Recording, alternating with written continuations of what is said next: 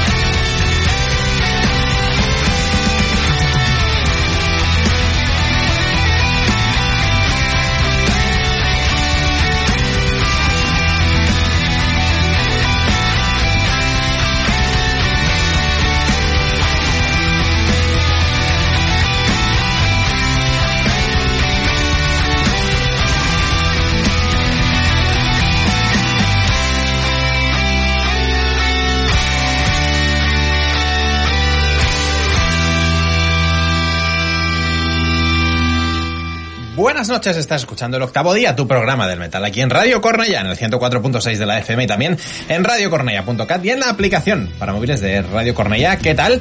Nosotros desde las 9 hasta las 12 en directo con tres horas de lo mejor del metal en este estudio. Unos saludos de Dani Ruiz, quien te está hablando ahora mismo, muy bien acompañado, flanqueado a diestra y siniestra a mi diestra, de nuevo ante el micro de Radio Cornella. No se asustó lo suficiente.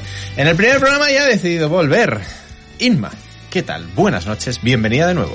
Hola, buenas noches Dani, buenas noches Tony, Genia y a todos, si es que queda alguien escuchándonos que no esté de concierto hoy. Seguro que sí, tanto en directo como por supuesto en formato podcast. A mí, siniestra, no sabemos si metálicamente muy siniestro o no, Tony López, buenas noches. Buenas noches, bastante siniestro, lo suficiente. Y hasta aquí la sección Malditos Suecos de esta semana. Esto lo vamos a abordar después porque ha habido un pequeño conflicto. Eh, no está nuestro compañero Alfonso hoy, que está por ahí meneando la melena, pero sí tenemos a los mandos de la nave, como siempre, a Xenia Sanserric. Buenas noches. Buenas noches. Pues sí, el programa de hoy lo hemos empezado con la sección esta de... Maldi yo iba a decir la palabrota, pero malditos suecos creo que es mejor porque hay veces Bien, que bien. nos escucha un público infantil Sí. que es mejor que aprenda la palabra maldito Y que es más, que no es la más otra. Tarantino, es, es Swedish Sí, Bastard. Sí, Swedish Bastard. Sí, sí. Mira, para la cuña ya sabes, Tony. Eh, eh, buena idea, buena idea, muy buena idea. Pues sí, esa semana eh, empezamos el programa desde Suecia con, un, con una banda que aquí ha habido disputas internas porque todos hemos hecho caso al oyente Lester que no para decir en Telegram y en las distintas redes sociales cuando compartimos los tops del mes que para él Trial ha sido uno de los discos del mes y posibles candidatos a top del año y era en plan, bueno, vale, pues te vamos a hacer caso, que, este, que estás eh, muy intenso, te vamos a hacer caso. Y efectivamente, yo fui a mis días de semana, cuando escuché el disco, fue en plan, le escribí un privado en plan, Lester, muy bien, me gusta mucho ese trial. Y ahora, de cara a preparar el programa, cada uno lo hace por su cuenta, pero nos tenemos un grupito de WhatsApp para las cosas importantes. Y una importante era, hoy tú tiene que sonar trial, ¿no? Y ha sido, no, que ya lo llevo yo, no, pero es que lo llevo yo también, no, pero es que lo llevo yo. Y como era la que yo tenía como inicio, pues ya está. mm, os he pisado a todos eh, trial. Lester punto. generando disputas ya, de verdad. No solo en el chat, ya lo consigue fuera del chat también. Pero bueno, eso es señal de que lo que ha recomendado pues nos ha gustado a todos, con lo cual, buena recomendación. Ya os explicaremos, Lester y yo, lo bien que suenan en directo cuando venga al Pirinean del próximo año. Oh. ¿Trial ¿Y está confirmado o No, están tienen- vuestras pero es un cábalas? grupo que es un grupo que es- pega, ¿no? Pega muchísimo. Pues para quien no los conozca, estos son Trial, un grupo sueco, eh, de los malditos suecos, eh, que hace este heavy metal de corte así bastante ocultista. Este 2022, el pasado septiembre, vio la luz su cuarto largo de nombre Fit the Fire. Precisamente la canción que da título a este disco es la que ha abierto el programa de hoy. Y bueno, pues esto es lo que nos trae en Trial. Muy buen heavy metal, la Hablo de verdad. Pirinean porque me, me recuerdan en ciertos momentos, si bien hay bastante diferencia estilística, a Landian Codex. Tienen Ah. ciertos momentos donde recuerdan un poquito y, claro, eh, te evocan a, a ese festival. Debo decir que, que a mí el disco me ha parecido un, me ha parecido regresar a los 90 y a Alemania. Es metal alemán de los 90 en estado puro con matices, con un sonido espectacular, con cómo hacen las cosas los suecos, perfecto. Pero a mí me ha recordado muchas veces a eso, a cositas de Scanner o de bandas así de, de aquella época. He encontrado, he encontrado ese, ese sonido en, en varios, en varios momentos del disco y, claro, fan del metal alemán como yo, pues encantadísimo. Bueno, y el timbre de la voz, ¿no? Que es muy quisque también. Sí, es También verdad. le traslada bastante. Es verdad. Mm. Así como novedad que no viene al caso, y mientras comía estaba viendo Los Simpsons para variar, y ha salido justo ese episodio donde se van a la embajada sueca y que aparecen Judas Priest con Breaking the Law, Breaking the Law, y, y sale el sueco. law. Era Respecting the law, ¿no? Sí, pues lo cambian y, y luego algo sobre la propiedad intelectual y demás. Eso es. Pero sale el sueco en plan, sí, a nosotros nos gusta el heavy metal porque nos recuerda a la muerte, y yo, bien. Y me he acordado de esa sección y era en plan, ideal para Es- hoy, es para así, es comentarlo. Ah, pues tenemos que coger ese trozo de esa, ¿no? Sí. De esa frase de los Simpsons y ponerla como Claro. cabeza, eh, Ah, pues sí. cabecera, ¿no? Sí.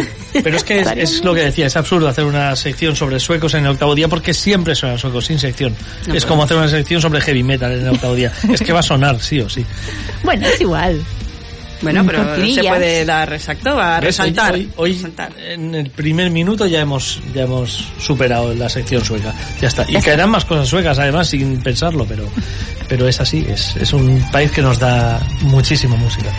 Y antes de empezar, recordaros que estamos en redes sociales, que son Facebook arroba el octavo día 8, Twitter arroba el octavo día, Instagram arroba el octavo día 8. Tenemos un canal de YouTube, que es eh, YouTube eh, barra C de canal el octavo día 8. Tenemos un TikTok que está ahí en plan a modo experimental, que es el octavo día 8 si tenéis TikTok y os apetece, pero vamos que si no tenéis el contenido es el que está en Instagram, no os preocupéis. No pasa nada si no queréis descargaros otra aplicación más eh, para haceros los influencers. Solo nos falta OnlyFans. Eh, no, OnlyFans, no, ahora la que se lleva es Be Real. Como que nos falta. No, por decir, ¿Qué quiere decir que nos falta OnlyFans? Te faltará a ti. O sea que bajo el nombre del octavo día no está, porque es para todos los públicos y OnlyFans. Institucionalmente no hay OnlyFans, pero ya Hay hemos visto. En privado Para quizá, Tony López. ¿eh? Sí, poned en OnlyFans Tony López, a ver qué sale. Ay, ay, ay. ya, ya sabemos cómo te Hard compras metal. todos los discos, ¿eh? gracias hay, a hay OnlyFans. mucho gasto, hay mucho gasto y hay que hacer lo que sea. No, no, en serio, falta la de Be Real, que es la que se lleva ahora. Sí. Es una red social que tú te descargas y cuando te envían un mensaje en ese, justo en ese momento. Por eso he tenido hoy que aprobar una aplicación Vale, de mensajería, ¿vale? Ya todo libre. eh, to- eh, captado. Vale. Cuando te envían, si ahora, por ejemplo, en tu móvil recibes un mensaje de esa aplicación, tienes, tal y como estés, hacerte una foto y subirla. Eh, sí, es para ser real, en plan, no los filtros de Instagram, sino mira lo que estoy haciendo ahora mismo y si estoy en pijama, estoy en pijama. Estoy segurísimo que, Eh, que va una a ser chorrada más. Estoy segurísimo que nadie se va a peinar un poco para hacerse la foto. No, pero el problema es la geolocalización. Saben en todo momento dónde estás. Cuando tú subes la foto sale la localización, porque si no, no funciona la app. Pues entonces en todo momento saben dónde estás. Pues no me gusta. No, no. Esa no nos la vamos a descargar. Seguiremos en. Si queréis Que saber Virreal en el octavo día, quizá eh, más adelante quizá nos podáis ver, quizá. Sí, porque eh, ahí un- siempre un estamos en calle directo. Costa Brava 7 de. Aparte, Entonces, aparte, si os queréis acercar, a la puerta picáis al timbre y, y os No creo que hablamos hoy. ¿No crees hoy No, que hoy hablamos? estamos aquí muy íntimos, no, Vale, pues hoy no vengáis, la semana que viene sí eso. en fin, seguimos con lo importante, seguimos con el metal. Mm, Tony, Yo, yo, Tú. sí, sí, correcto. que llevas una camiseta que pone metal, que This de la is This is Metal, por This is supuesto. Metal, sí, de la Entonces, revista es que es un diseño que se hizo especial para la revista, me gustó mucho y me la compré, sí. Eh, This is Metal y a eso vamos. Exesus, una banda catalana que ya os presentábamos aquí con Timing Coma hace cinco años su primer trabajo, su trabajo debut, una- unos chavales muy jóvenes, insultantemente jóvenes diría. Eh, Iván Exe a las voces, Ferran Montasell a la guitarra, Gerard Colomer al bajo y Víctor García a la batería. Cuatro chavales que, que lo hacen muy bien, que hacen thrash metal, pero con muchos elementos, eh, muy, muy bueno, mucha riqueza, mucha variedad en, en su música y bueno, ya os digo, una gente que esperamos que vengan también a presentar este segundo trabajo aquí al programa como, como lo hicieron en su día con aquel Timing Coma que nos encantó. Este, eh, siendo sincero, no he podido darle todavía la cata que se merece al completo a este Asynapse, que es su segunda entrega. Pero bueno, por lo que nos comentan ellos, eh, es un disco donde vamos a ver claramente la evolución. Y como os digo, es un disco que sale el 28 de octubre. Esperamos tenerlos por aquí muy pronto para, para que presenten y, hablen de- del mismo. Vamos a escuchar el tema que abre este Asynapse, lo nuevo de Exesus. Esto es Bloodshed. But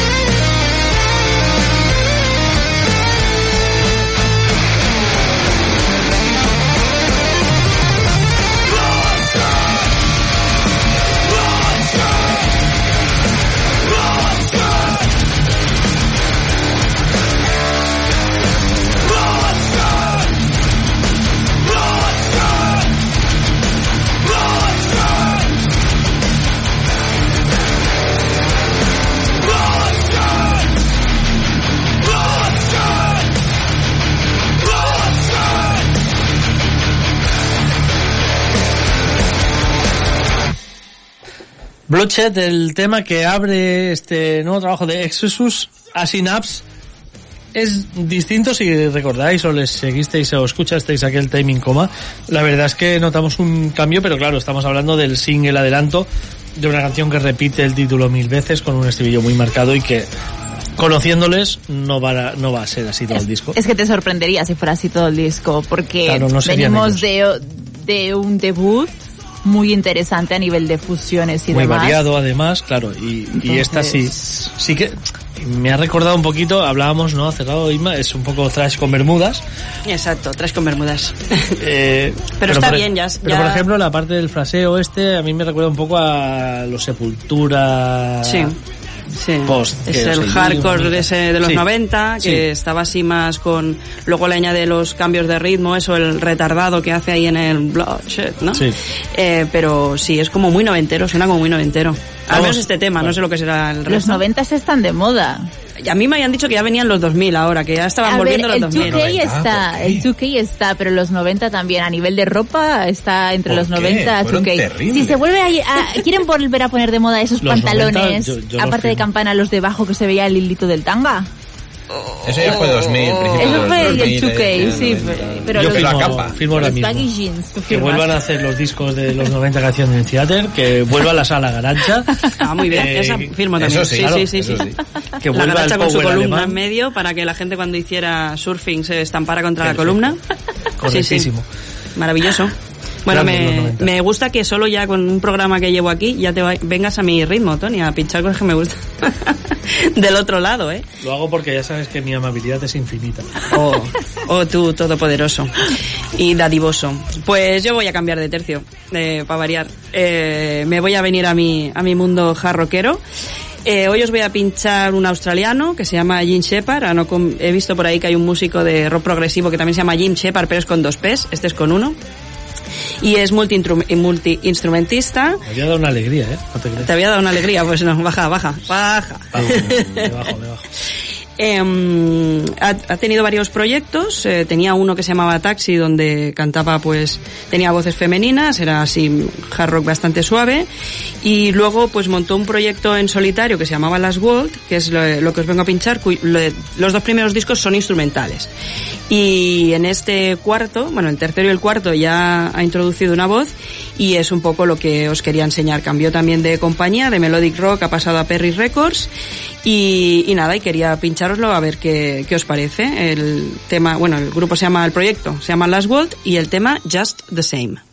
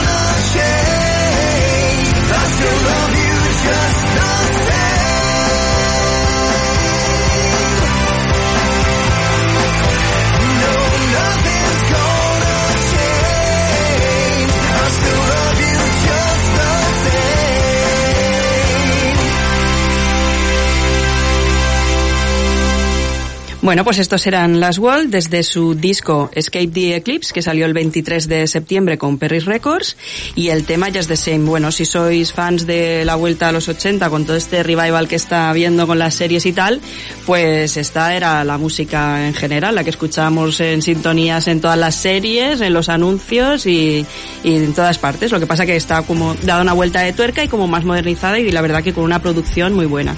Otra característica de este señor es que los discos los ordena muy bien. Los temas a mí me encanta cómo los ordena. Siempre tiene un tema clave y todo el disco gira en torno a ese tema clave y hace a pesar de no ser el progresivo que esperaba Tony eh, siempre tiene como eh, unos guiños en las otras canciones que son del tema clave Ay. así que no es como aquello del horóscopo que pinchaste Tony pero Bastante se pro, parece en el lo que pasa que luego el sabor es Yo solo puedo decir de, este, de, este, de esto que hemos escuchado, Strike First, Strike Hard, No Mercy. no merci Todo lo que puedo aportar a, a esto. bueno se parece también un poquito a los Striper del principio que comentábamos el otro día No, no no, Creo que en no, absoluto. la verdad que no En absoluto. No, demasiado pasteloso. No le ha gustado. Lo veo. Se le ha indigestado el pastel. Sí, no, no, sí, sí, sí. Que sí, que a mí me gusta ver a Raf Macchio envejecido haciendo sus cosas, pero No, no ha sido... Bueno, veremos lo que dicen en el chat. ligeramente aceptable. pues. Que hablando del chat aprovechamos para saludar los que están presentes y en directo. David, Pepe, también está Mónica, Carlos, Raúl mañana en el trabajo, así que Raúl ya te saludamos, eh, trabajando Pedro. Y eh, aparte, eh, que Carlos te dice, Inma, que le acabas de quitar 30 años de encima. ¿Ves? ¿Ves? Si es que yo Ana lo hago para también está. rejuvenecer a la gente. Es- es- me los has puesto a mí. Ah, Son de Carlos, los 30 me han caído de golpe. Exacto. Perfecto. También saludamos a los que están viendo a Behemoth y al Chenemy, malditos suecos, al Chenemy, que están en el San Jordi ahora mismo descargando en Barcelona. Los de Madrid los pudisteis ver ayer, creo. Y los de Madrid, los oscuritos estarán en el Occult Fest. Están, exacto, o sea que eh, estamos aquí los buenos y los demás nos recuperarán por podcast. Exacto. Que el podcast lo puedes escuchar en iVoox, Spotify, iTunes y en. Google Podcast. Publicidad. Es imposible no escucharlos. Total- Totalmente. Todos los lados, los lados. Yo voy a seguir esta senda de no irnos muy lejos de los 80, pero desde una perspectiva totalmente diferente. Lo voy a hacer con una banda que tiene cinco álbumes eh, editados y que acaba de sacar un EP de cuatro temas y que me ha volado la cabeza. La banda es Skeletor. Seguramente muchos de vosotros ya la conocéis. No Skeletor, not to be Ni confused. Skeleton. No, ni Skeleton. Skeleton. Eh, not to be confused con Skeletor, que es una banda de Alaska que se formó dos años antes de esta. No, esta es Skeletor de San Diego, actualmente afincados en, en Seattle, que, que hace un eh, epic speed metal, epic heavy speed metal, con eh, lyrical themes, death, destruction, glory y true metal. Y que además está editada por una discográfica llamada Gates of Hell Records. Es decir, eh, ya sabéis por dónde va el tema. Me han hecho... Es, es mi segunda hipoteca es por culpa de Gates of Hell Records. que lo sepas. Sí, sí. Venimos a puntillar de Que lo sepas. el- un clavo más en el ataúd de Tony, financiero, evidentemente. Correcto. Dale más al OnlyFans, hazte una cuenta se- secundaria. No, no, si ya lo tengo todo de esa discográfica, ya no me pueden sangrar más. Ya como no pille ediciones en vinilo raras, ya no. Es lo único que le faltaría a Tony. Le falta este EP igual de, de Skeletor que se llama Blood Empire Está de camino. y que... Y que me llamó mucho la atención porque la portada, me ha encantado, pero la portada simula uno de los eh, videojuegos de la Nintendo NES de 8 bits con la que yo crecí. Y por Eso eso, vale. lo has escuchado, friki de mí. O sea, Sí. ha sido eso lo que te ha llevado No a ya lo sabéis. Eso es lo que me ha llevado a escucharlo. En la portada, eh, guerreros con espadas y hachas y todo esto, mucho heavy metal con ese estilo, esa producción, ese sonido, como decíamos, pues que nos va a retrotraer a, en mi caso, bocadillos de nocilla. En fin, eh, Skeletor, un poquito de true heavy metal. Esto es Blood Wine.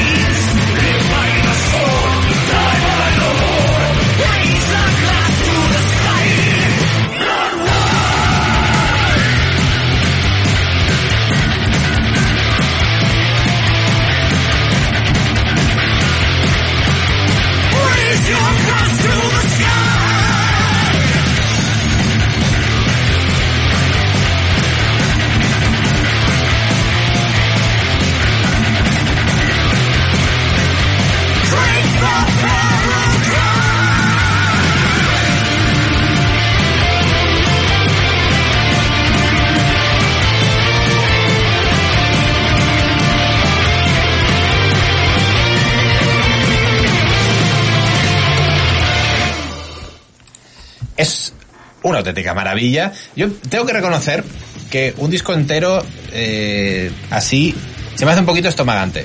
Me gusta más un sonido más eh, moderno, más limpio, más pulido, pero como decía antes, para los fans del true metal y que además disfruten de esta producción un poquito más sucia, entre comillas, el EP nuevo de Skeletor es una auténtica gozada, son 21 minutitos. Deeds of Honor, Good Day to Die, The First Empire y este Blood Wine que hemos escuchado por heavy metal ochentero. No es una propuesta precisamente original, hay muchas bandas del estilo, pero vamos, lo que plantean Skeletor en este caso me parece una gozada. Su último trabajo, Cyber Metal, era del 2019, llegan Complete Empire en este 2022, de hecho ha salido ahora en, a finales de septiembre y entiendo, aunque no lo he podido chequear todavía, que esto es un adelanto de un próximo trabajo que llegará pronto. Tony, ¿no? No creo, ¿eh? Ahora, ahora se Vaya está... Se está, Estamos con este formato este formato, Claro. sobre todo este tipo de bandas, ahora están tirando mucho de esto. Ahora os decía que yo traigo una banda también de este estilo, también de los, de los Ángeles de California, que no están todavía firmados, son independientes, pero que estamos esperando que Gates of Hell se tiren a por ellos, porque son, vamos, cuadran totalmente. Y pillar por Bandcamp ahora que están en Signet, pues es un poquito caro, para, Claro. sobre todo teniendo en cuenta un CD de 22 minutos, no te vale la pena igual pagar 30 o 40 euros. No. Entonces es mejor que, que los fiche Gate of Hell y ya les pides el pack. ¿Y esto cómo va? ¿Tú hablas con Gates of Hell y le vas recomendando artistas o ya para dejarte el sueldo del Bueno, todo? es una o- manera de... Sí, sí, sí. Bueno, eh, siempre Es hay, chantaje. hay Si algún los mail lo diciendo... Hay, no, siempre se envía un mail diciendo, oye, voy a hacer un pedido, Sí. pero pensaba que esta banda era vuestra. ¿No son vuestros estos? Porque veo que no tienen contrato Ah, discográfico. mira. Y entonces te responden Hay como- un tío Gates of Hell. ¡Hostia! Está ahí mirando. Y supongo que ahora están hablando entre ellos para hacer el contrato, o sea que... ¿Por qué Qué no te haces tú una discográfica Tony Records o algo es así? totalmente deficitario. Somos cuatro los enfermos que nos dejamos la- el sueldo en esto. Pero eh, Artist Representation, ¿no, Sí, Tony? sí, AR, lo ves. ¿no? Eso sí. Artist Sí. Representation. Y tú lo vas encauzando a cada uno a la compañía que corresponda. pero es mu- mucho trabajo. Yo, yo ya estoy más para jubilarme que para eso. Pero ¡Hala! No te falta ni nada, madre mía. Te gustaría. No, hombre, no. No, además no tendrías por qué trabajar en todos tus trabajos. Ya sabemos que lo de stripper es muy duro, pero podrías dejarlo de stripper y dedicarte solamente a Artist Representation. Stripper que no es Striper, ¿eh? Y Striper no tiene nada que ver con lo del OnlyFans. De momento. ¿Cómo De momento. estáis? ¿Cómo estáis? ¿Qué os pasa hoy? Nos ¿Qué os están reclamando en el chat, Xenia, del, del chat de Telegram del octavo día, más caña, más oscuridad. Bueno, más- pues que no se preocupen porque nos vamos a ir a Francia y que en Francia ya sabéis que hay una escena magnífica, exquisita de black metal, así que nos vamos a ir hasta allí, nos vamos a ir hasta Nantes para escuchar eh, lo nuevo, ¿no? Porque vio la luz eh, el pasado 2020, pero de, entre muchísimos discos, pues fue de estos que no le pude prestar la suficiente atención y ahora pues los he recuperado. Hablo de la banda Regard les Hommes Tomber, con mi super francés, Regardez les Hommes Tomber, por si no había quedado claro, tal cual ahí mm, remarcando que bueno estábamos viendo aquí en micro cerrado cómo qué, qué significa aquí la que estudió seis años francés en el instituto pero bien es mira a los hombres como caen que es ese concepto que tiene detrás eh, el grupo no esa devoción ese re- rechazo a Dios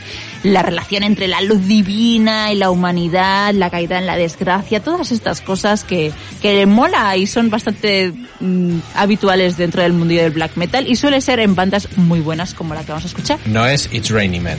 No es It's confunda. Raining Men, al- Esos caían de otra manera, estos caen un estos- poco más dramáticamente. Sí, eh, ma- más filosóficamente pod- podría ser.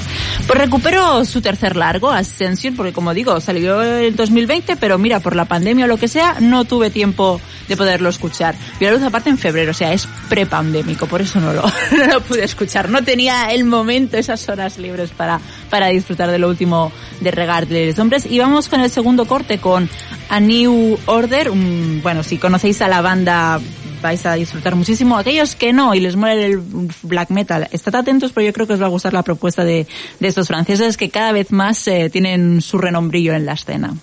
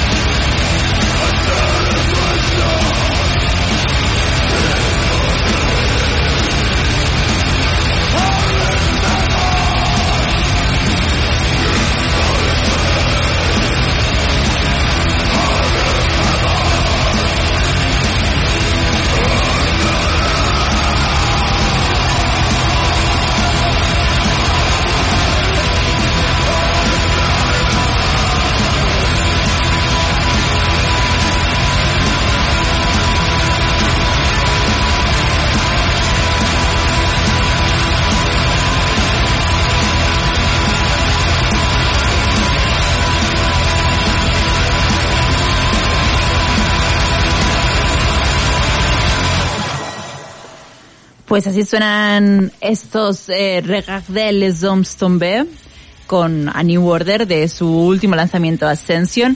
Y bueno, si teníais, si seguíais un poquito a la banda, veréis que se acercan más a este típico post-black metal eh, que se suele llevar y se lleva bastante en los últimos años, unos cuantos bastantes años, más que ese black más crudo que podíamos encontrar en el principio. Así también la banda veo que salta de Les Acteurs del Hombre Productions, un sello francés muy centrado en el black metal francés y, y demás a Season of Mist, así que entiendo que cada vez se están dando más bombo. Les he visto acompañando a grandes nombres de del rollete, entonces entiendo que van en ascensión como, como su tercer, como dices, sí, sí, chiste, chiste. Me ha salido, lo siento, lo siento. Efectos, necesitamos efectos. Sí, sí, lo siento. Claramente. lo siento, me ha salido así. Pero bueno, que a mí me ha gustado la canción. Eh, y me ha gustado el disco Y también. punto. Y, y punto. Y espero que a vosotros también. Hablando de franceses y de post-black metal y cosas así, ¿qué tal Celeste? Muy bien, como Es lo que siempre. me dio rabia, ¿eh?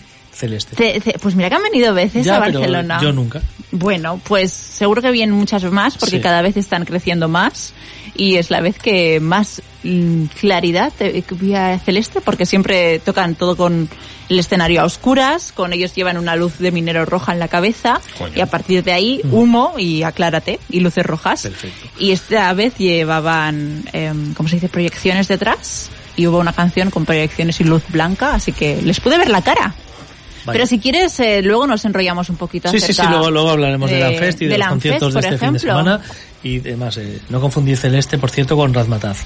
Eh, no, no, ni, ni con una banda que se llama Celeste que canta una mujerona bien maja. Correcto. eh, que alguna vez eh, eh, Spotify se equivoca y es en plan señor de los algoritmos. sí, esto se ha vuelto usted loco. Lo Pero bueno, la semana pasada también con Angel Dust y estas cosas que, que no. Bueno, las que máquinas no, no son perfectas. Aunque en Westworld lo son, pero y No, en más Westworld allá. no lo son. No lo son. ¿No? Eh, ¿qué? ¿Puede ser la tercera temporada de Westworld la mejor serie de todos los tiempos? Sí. Por ahí está. ¿Le dio rabia? Sí. Claro, porque mucha gente lo dejó en la segunda de lo pesado que se hacía ya el... Pero ahora hay una cuarta. Ya, Pero ya está la cuarta. Eh, creo que Adiós. sí. Eh, no, no, no, Tony, no Ahora está, la no ponemos, está, ahora no está. ponemos. Estoy acabando de hablar con ellos, Vale, eh, vale, vale. ¿sabes? Perfecto. Me voy a ir hasta el Reino Unido, Inglaterra, Surrey, una bonita localidad que alberga a una de las mejores bandas sobre la Tierra. No es otra que Tresol, la banda de metal progresivo que, que regresa este año, este 2022, el próximo 18 de noviembre. Eh, la verdad es que da bastante rabia que las bandas empiecen a soltar mm, canciones adelanto tres meses antes. Dice, si ya lo tenéis hecho, ¿para qué hay que esperar hasta el 18 de noviembre? si ya está todo acabado. Dámelo ya. En verano nos estrenaron Silenced, el primer adelanto, que personalmente me parece las mejores canciones que he escuchado este año. En el top anual final, ese top 50 o 100 o lo que sea, va a estar arriba, ya os lo digo. Sí o sí, no voy a aceptar ahí ningún Yo tipo creo de... que vas a hacer un top 100. Podría estar, podría estar Podría. eh, en eso la cosa. Eh, después King of Nothing, que es un tema seguramente más directo, seguramente más eh, que gustó más mm, a la primera al gran público. Por a ejemplo, Dani, Dani está es- diciendo, Dani a es gran mí, público. a mí. Sí. Yo. Yo. soy mucho más de Silence, es un tema que no me cansa, que me sigo poniendo eh, habitualmente. Y este pasado viernes estrenaban la tercera eh, canción, el tercer adelanto, se llama Complex. Y es otro buen tema, creo que a medias entre Silence y, y King of Nothing. Es, eh, no es seguramente tan catchy, tan directa como King of Nothing. Y seguramente no tiene esos giros que tiene Silence, a nivel melódico sobre todo. Pero creo que es un gran balance entre ellas y creo que nos espera un discazo con este Dividing Lines el próximo 18 de noviembre. Como digo, desde Dividing Lines Threshold escuchamos Complex.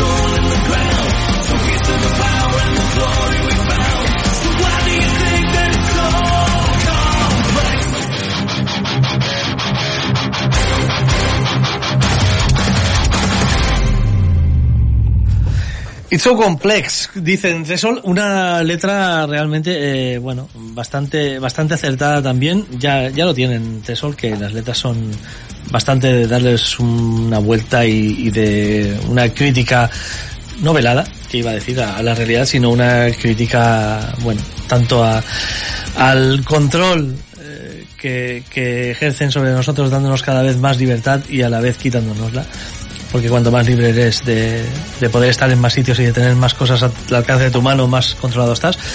Un poco de esto habla, habla este tema. Eh, es complejo y, y así se llama. Complex, eh, Tresol, nos falta más de un mes para escuchar el disco, pero yo sigo en bucle con las tres canciones de adelanto y esta es la última del pasado viernes, Complex. ¿Y este era grupo del Biproc o era, es demasiado true para estar en... Era grupo del Biproc, lo que no era grupo del agrado del amigo que montaba Biproc. Sí, sí, yo se lo reclamé bastante este grupo. Este, Arena, que vienen... Arena saca Arena disco- vienen- Arena viene el sí. 25 de este mes Mm. a Barcelona, sacan disco el 21. Es incomparable el disco. ¿Por qué? 66 euros el vinilo y- Guau. y 40 y pico el CD. Sí, sí. Hostia. De hecho, yo me esperaba que salieran en euros porque es en libras esto y ha salido ahora en MP, ya lo puedes preordenar y vale 66 euros Wow. al cambio, o sea, el cambio es literal. A ver si los traen y se bajan un poco de la parra y en el concierto se les puede comprar. Con, eh, con Damien Wilson, que era el cantante de Tresol, que dejó Tresol y se fue a Arena. La verdad es que también hay un tema adelanto de Arena que hoy no pondremos porque ya Tresol ya ha cubierto un poco el cupo de este tipo de progresivo, pero que lo pondremos ya cuando se acerque ese, ese concierto. Y bueno, pues la verdad, Glyn Morgan funciona muy bien, la verdad, el cantante que, era original en Tresol y que, y que volvió para Legend of the Shires y que está integradísimo. La verdad es que funciona a la perfección, suena a Tresol por todas partes. Lo bueno de esta banda, igual que de Arena, es que cante quien cante son cantantes parecidos al fondo y tal, pero los reconoces totalmente en cualquier canción y el sonido Tresol está ahí. Y vamos, no, no puedo decir más que tengo unas ganas que ya me subo por las paredes de escuchar este disco. El que fue de disco del año para nosotros, Tony, fue el de Triconing. ¿Puede ser? Eh, 2007. Podría ser, podría ser, sí. Con Slipstream, A con The Pilot in the Sky Dreams, con el malogrado Mac que, que falleció hace ya bastantes años. Y sí, sí, creo que, que lo fue. Y Legend of the Shires para mí es el disco de 2017, además, también, eh, sin duda alguna. O sea, de hecho es el disco de la década de los 10. Para mí, Legend of the Shires. Sin... O sea, también vas a hacer un top de la década, aparte Sí, sí, del sí. top del año, Sí, top sí, de la sí. década. Sí, sí, está Wow, bien, del está mes, top de la semana. Y tienes mucho trabajo, ¿eh? No, ya está hecho. Está, es- todo eso se va haciendo. Se hace solo. solo. Vale, sí, hay un algoritmo que lo va ordenando todo. El algoritmo del Tony. Mi algoritmo sí hace... Combinado con Westworld. Exacto. Yo he de decir que The Threshold son de las bandas así que traes de este género que me gustan. Que luego en casa me pongo, porque hay veces que pones cosas aquí que me gustan, pero luego en casa no me pongo. O, ¿sabes? Intento indagar más y me cansan. Pero Como con Threshold... quieres decir. Tengo que intentarlo con ellos. Inténtalo, pero que mujer. tengo que intentarlo. Pero eh, Threshold sí que más de una vez me, me- me los pongo y me gusta bastante. No sé si llegaré a ir a un concierto. Es, Mm, se- según con son, quién son vinieran. bandas, son bandas tanto Tresol como Arena y los vuelvo a mencionar igual eh, de ese, de ese tipo como lo que hacen Neil Morse también en directo son este tipo de bandas que te, Riverside por ejemplo así Sí. que piense que te trasladan durante la hora y media o dos horas que dura el concierto estás en otro sitio y a mí eso me, Claro. me alucina porque te, te meten en ese sonido te envuelven en su historia y, y yo los disfruto vamos eh, son de las bandas que más disfruto en directo. Por eso, porque es que eh, vuelas incluso. Hay momentos en estos conciertos que, bueno, piel de gallina constante además, eh, al tener muchas melodías también y, no sé, eh, siempre parece ¿no? que progresivo, gente muy técnica, que vas allí a ver unas exhibiciones técnicas bestiales, que sí, la verdad es que sí, pero siempre en servicio de la canción, de la musicalidad, de la melodía y la verdad es que es de agradecer y Tresol es uno de los de los grandes eh, de ese, de ese estilo de, de hacer un progresivo accesible dentro de lo que puede ser accesible un metaprogresivo.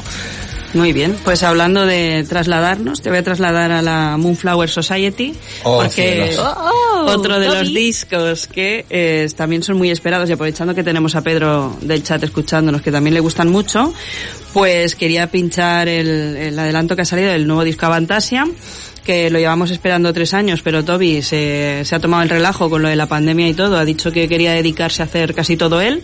Veremos cuál será el resultado, pero de momento, pues eh, creo que nos sale el 21 de octubre, es cuando va a salir el disco, pero de momento nos ha presentado un single que se llama The Inmost Light, donde, bueno, viene acompañado de ya su clásico Kiske, así que vamos a escuchar The Inmost Light de Avantasia.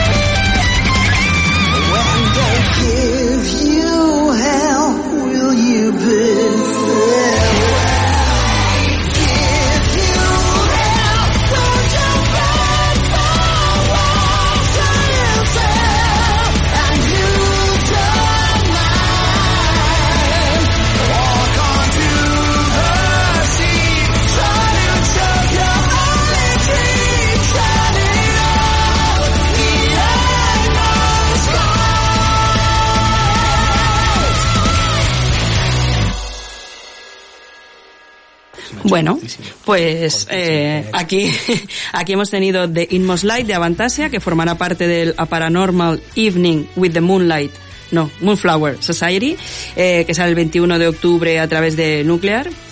Y bueno, y eh, viene pues tres años más tarde del Moonglow que salió en 2019 y nada, y se leía pues eh, eso, ¿no? Todavía se ha hecho en las declaraciones pues que aquí se quería dedicar a hacerlo todo él y que quizá notemos un poco de diferencia con el trabajo anterior. La portada, mm, que también estaba muy chula, lo quería recordar, que es de un puto sueco, eh, Alexander Jansson, y yo quería lanzar una pregunta, ya que hemos venido con Avantasia y que a mí me gustan mucho los vocalistas en general.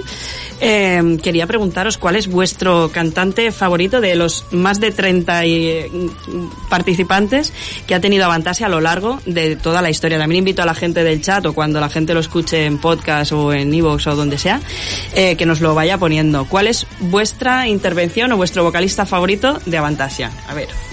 Yo estando Ralph Shippers de por medio, difícilmente voy a tener a otro, pero claro, es que eh, en Avantasia ha cantado Flor Jansen, entonces no, no hay más que hablar. Taran Flor Jansen, punto uno. Two points, ¿cómo sería esto? A mí me gusta mucho Eddie Martin, por ejemplo.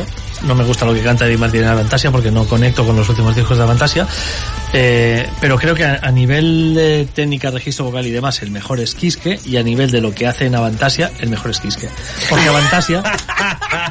sí, Avantasia tiene sentido por Kiske. Avantasia, el pelotazo del primer disco de Avantasia es el regreso al metal de Kiske. Y todos flipamos con, con Sign of the Cross, Correcto. con The Tower y con Serpent in Paradise, bueno. bueno, Mm. los, los temas que regresaban al Kiske Power Metalero. Mm.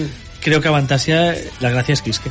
Y, y el cantante de Avantasia, el, el principal, es Kiske. De hecho, sin Kiske no creo que tenga sentido un disco Avantasia. Eh, también tengo muy claro cuál es el peor. A ver. Pero como es el que compone, no lo no puedes puedo echar. decirlo. sí, sí, puedo su- decirlo, pero como es su proyecto. no lo puedes echar porque el proyecto es suyo. Entonces, bueno, pues ahí está el hombre. Y otro gran cantante, que ahora lo hablábamos hace rato, es el que menos canta en Avantasia, es Oliver Harman, Oliver que se, ha- se está emperrado el hombre en tocar la guitarra cuando era uno de los mejores cantantes de Power en su época en Advance. Pero, bueno, eh, Kiske, Kiske, sin duda, Kiske. Yo estaba haciendo ahora un repaso de todos los cantantes porque mi memoria no da para más. Estaba ahí en plan a ver disco a disco todos los colaboradores. Eh, y entonces he pensado, a ver, Xenia, cuando los viste en directos, que lo disfruté muchísimo, ¿qué es lo que más te gustó? Kiss, que fue el que más me gustó. Sí que es cierto que también me gusta muchísimo la participación de John Landé y Resen Allen. Pero porque también me gustaba bastante sus voces y las tengo, estoy habituadas a sus voces pero iría a Kiske, pero porque, por eso, porque he ido ya directa en plan, qué saturación de gente, ¿no? Ahora te tengo que decidir rápido, no, no, no sé qué hacer, me he colapsado y he dicho, vale, en directo. No, y además, ca- fue quien me, enga- quien me gustó más. Los- yo creo que los cantantes como John Wetton, Klaus Main, ¿no? que se han ido incorporando, cantantes más jarroqueros seguramente, le han dado otro carácter al grupo que yo personalmente no conecto nada. Claro. En cambio, en aquella época con Kiske, con André Matos, el recordadísimo André Matos, bueno, era una cosa que en aquel David momento... Face también salía en la primera. claro, David D. Face, Claro. brutal. Sí, sí. Bueno, era una cosa más orientada a, a- otra cosa, no sé. eh, Bueno, más- era el triunvirato, porque además estaba Kai Hansen, estaba Michael Kiske. Además Kai Hansen, que, que además como momentos destacables vocales, a mí la parte que canta Kai Hansen en Side of the Cross me encanta. Pero no, Y- no, Kai Hansen hizo, oye, ponme un trozo de Gamarra aquí que quiero sí, cantar. sí, sí, correcto, Ya está. exacto. Y, y Rock Rock. Y Rock que Rock. también se sale por todas partes, siempre, pero, pero en, en aquella Avantasia primero también. Pero que Avantasia es Kiss, que no, no me bajo del burro. No me bajo del burro. Mira, aparte en Telegram, eh, Ana decía que, que Avantasia siempre será lo mismo, pero cuando entra Kiske en Avantasia dices, pues mira, pues está todo bien, a lo, a lo cual Pepe eh, le da su visto bueno.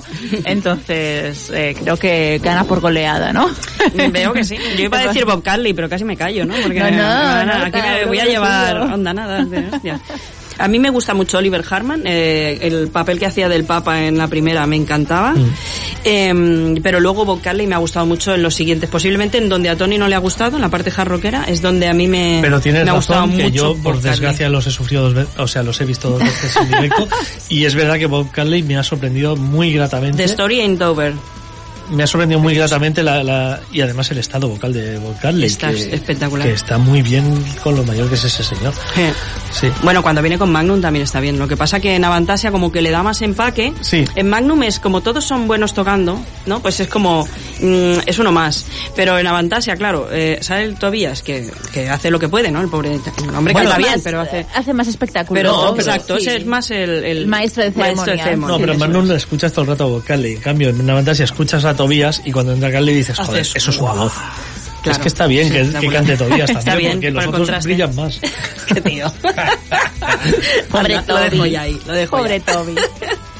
Bueno, pues ha ganado Kiske, ya está. De momento la porra hasta que tengamos el recuento no. de redes sociales y Mis tal, respetos a, a Toby que, que ha compuesto algunos de los grandísimos temas de Power Metal de la historia y, y no hay duda alguna. Estaba mirando la- de, de Instagram, eso de las encuestas, cuántas opciones te deja, pero no me caben todos los cantantes, habrá que hacer. Habrá que poner eso del espacio para que ponga la gente el nombre, Sí, ¿no? Porque, sí, algo así. Sí, ¿no? O entre Kiske, Oliver Harman y ¿cómo, ¿cuál habías dicho? Sí, tú? entre Flor tres. Jansen. Flor Jansen.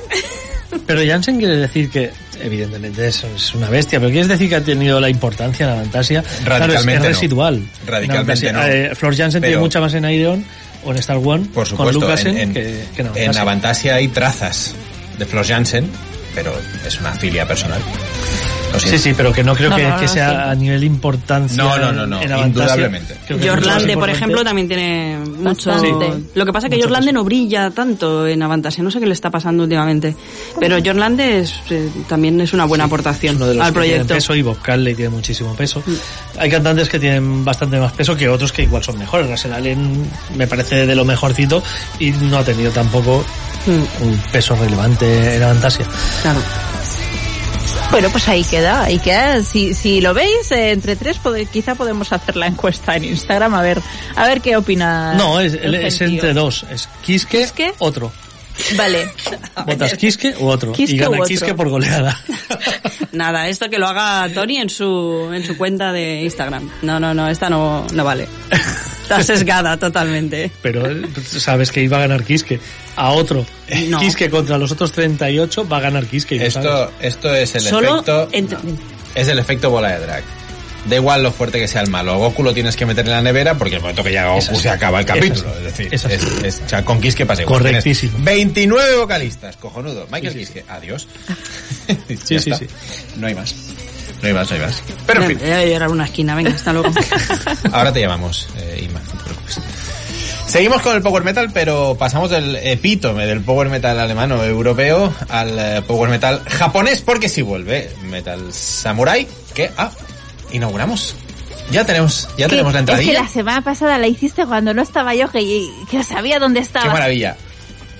Que espera, que lo tengo que preparar. Dios mío. Es que me has- Dani, eso se avisa. Eso se avisa, que yo me pongo muy nerviosa y eso se avisa, por favor. La próxima vez te aviso, garantizado. Venga. Espera, que me lío con tantos colores. Vamos con la sección de Metal Samurai.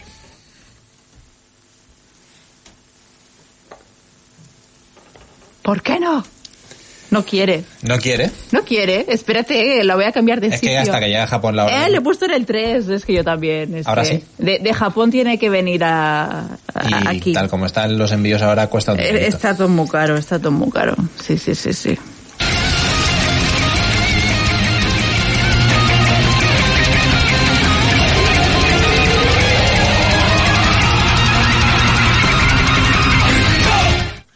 Go, como dicen nuestros amigos de Gize.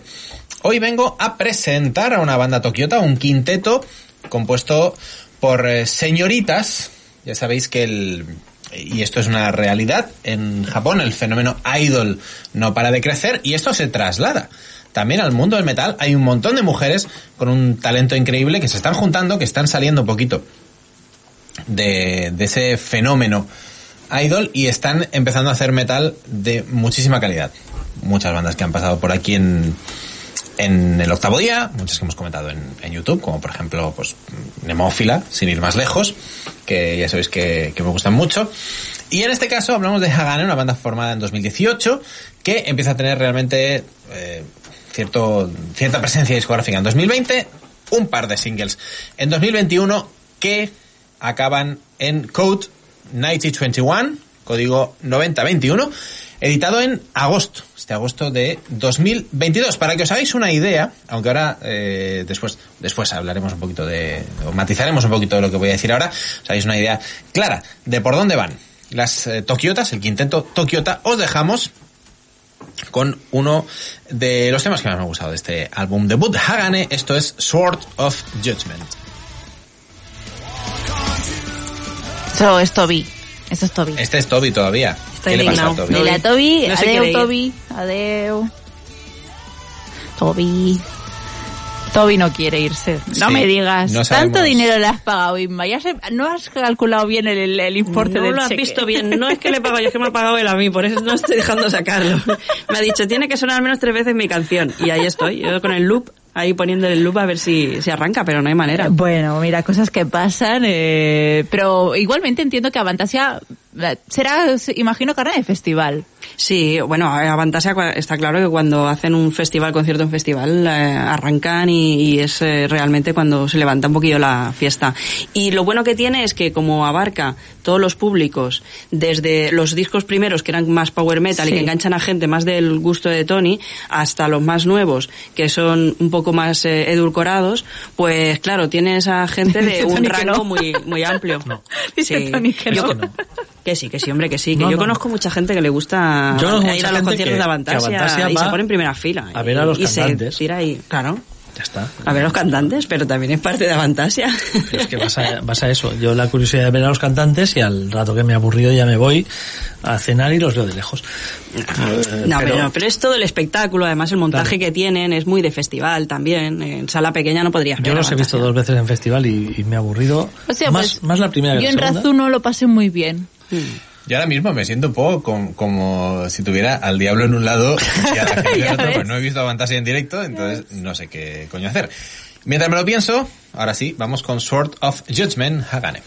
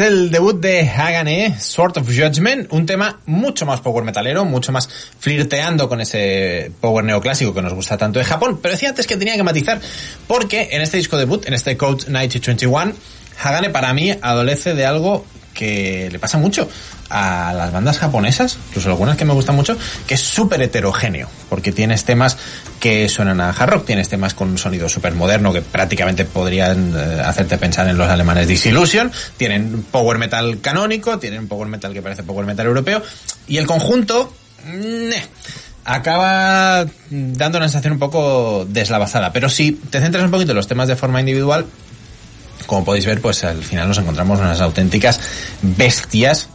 eh, un nivel técnico espectacular en este caso por parte de Kanako a las baterías Maito y Sakura a las guitarras, Sayaka al bajo y Uyu a la voz que por cierto para ser una cantante japonesa tiene un tono bastante menos estridente, tiene un timbre bastante menos estridente de lo que de lo que solemos escuchar, que no voy a decir que no, también se agradece de vez en cuando. Así que Mucho. fans del neoclásico, fans del power metal, fans de las bandas japonesas, atentos a este debut de Hagane.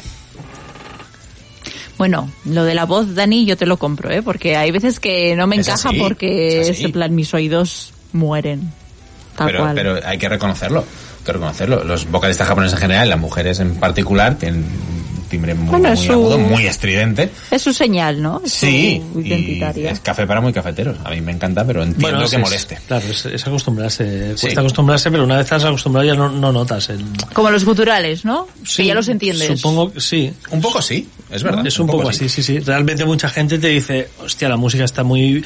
Es que te dicen el mismo discurso que te dicen, la música está muy bien, eh, tocan que no veas, pero no traigo esa voz. Sí. ¿Te sirve para guturales o para cantantes japoneses? A mí, a mí me lo han dicho en, en ambos casos, sí, sí. Sí, sí, sí. En, en, eh, ahora he tenido que mirar, no recordaba el nombre de la vocalista. Asami, la cantante de Love Bites, que es una banda que me flipa. Claro. Incluso a mí sí, tiene sí, sí. algún agudo que dices, ¡oh! ¡Qué molesto! Pero bueno, Totalmente. sarna con gusto. Ya está. Muy ya bien. sabéis. Pues Cambio de registro. Sí. Me sí. temo. Sí, exacto. Yo me voy hasta Bélgica, vamos a viajar y sigo con la gente esta post-whatever, que, te- que sé que aquí en este programa eh, les gusta la palabra whatever, a los chicos de este programa presentes el día de hoy. ¿eh? De momento solo ha salido una vez. Whatever. Whatever. Whatever, en plan bimbo. Anyway. Anyway. Pues nos vamos hasta Bélgica para seguir con más post ahí, gente oscura, gente triste. Gente también. belga, gente belga. en. Sí, mira, como, como decía ayer, estoy en un, en un festival de gente rara y triste, pues lo mismo. Aquí están un poco tristes, solo un poquito. Hablo de la banda Psychonaut, una banda pues ya bastante conocidilla dentro del mundillo, porque ya en su disco debut, un Fall de Godman, que vio la luz en 2018, pues como que fue la sensación, gustó muchísimo. Y, y bueno, pues ahora es- están, está a punto de ver lo que será su segundo largo, que verá la luz el próximo 28 de octubre de nombre Violate Consensus Reality. Ya hay dos singles adelanto que los dos me han gustado mucho.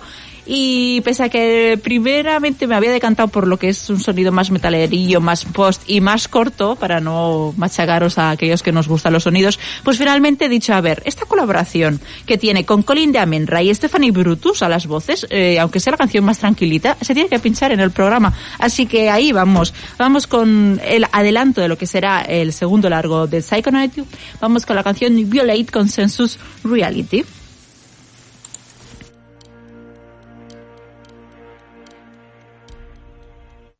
Y os lo voy a poner un poquito más para adelante, perdón, para que no sufráis mucho, Gracias, Jenny. ¿vale? Porque ya me conozco estas caras que estáis poniendo, ya me lo sé yo.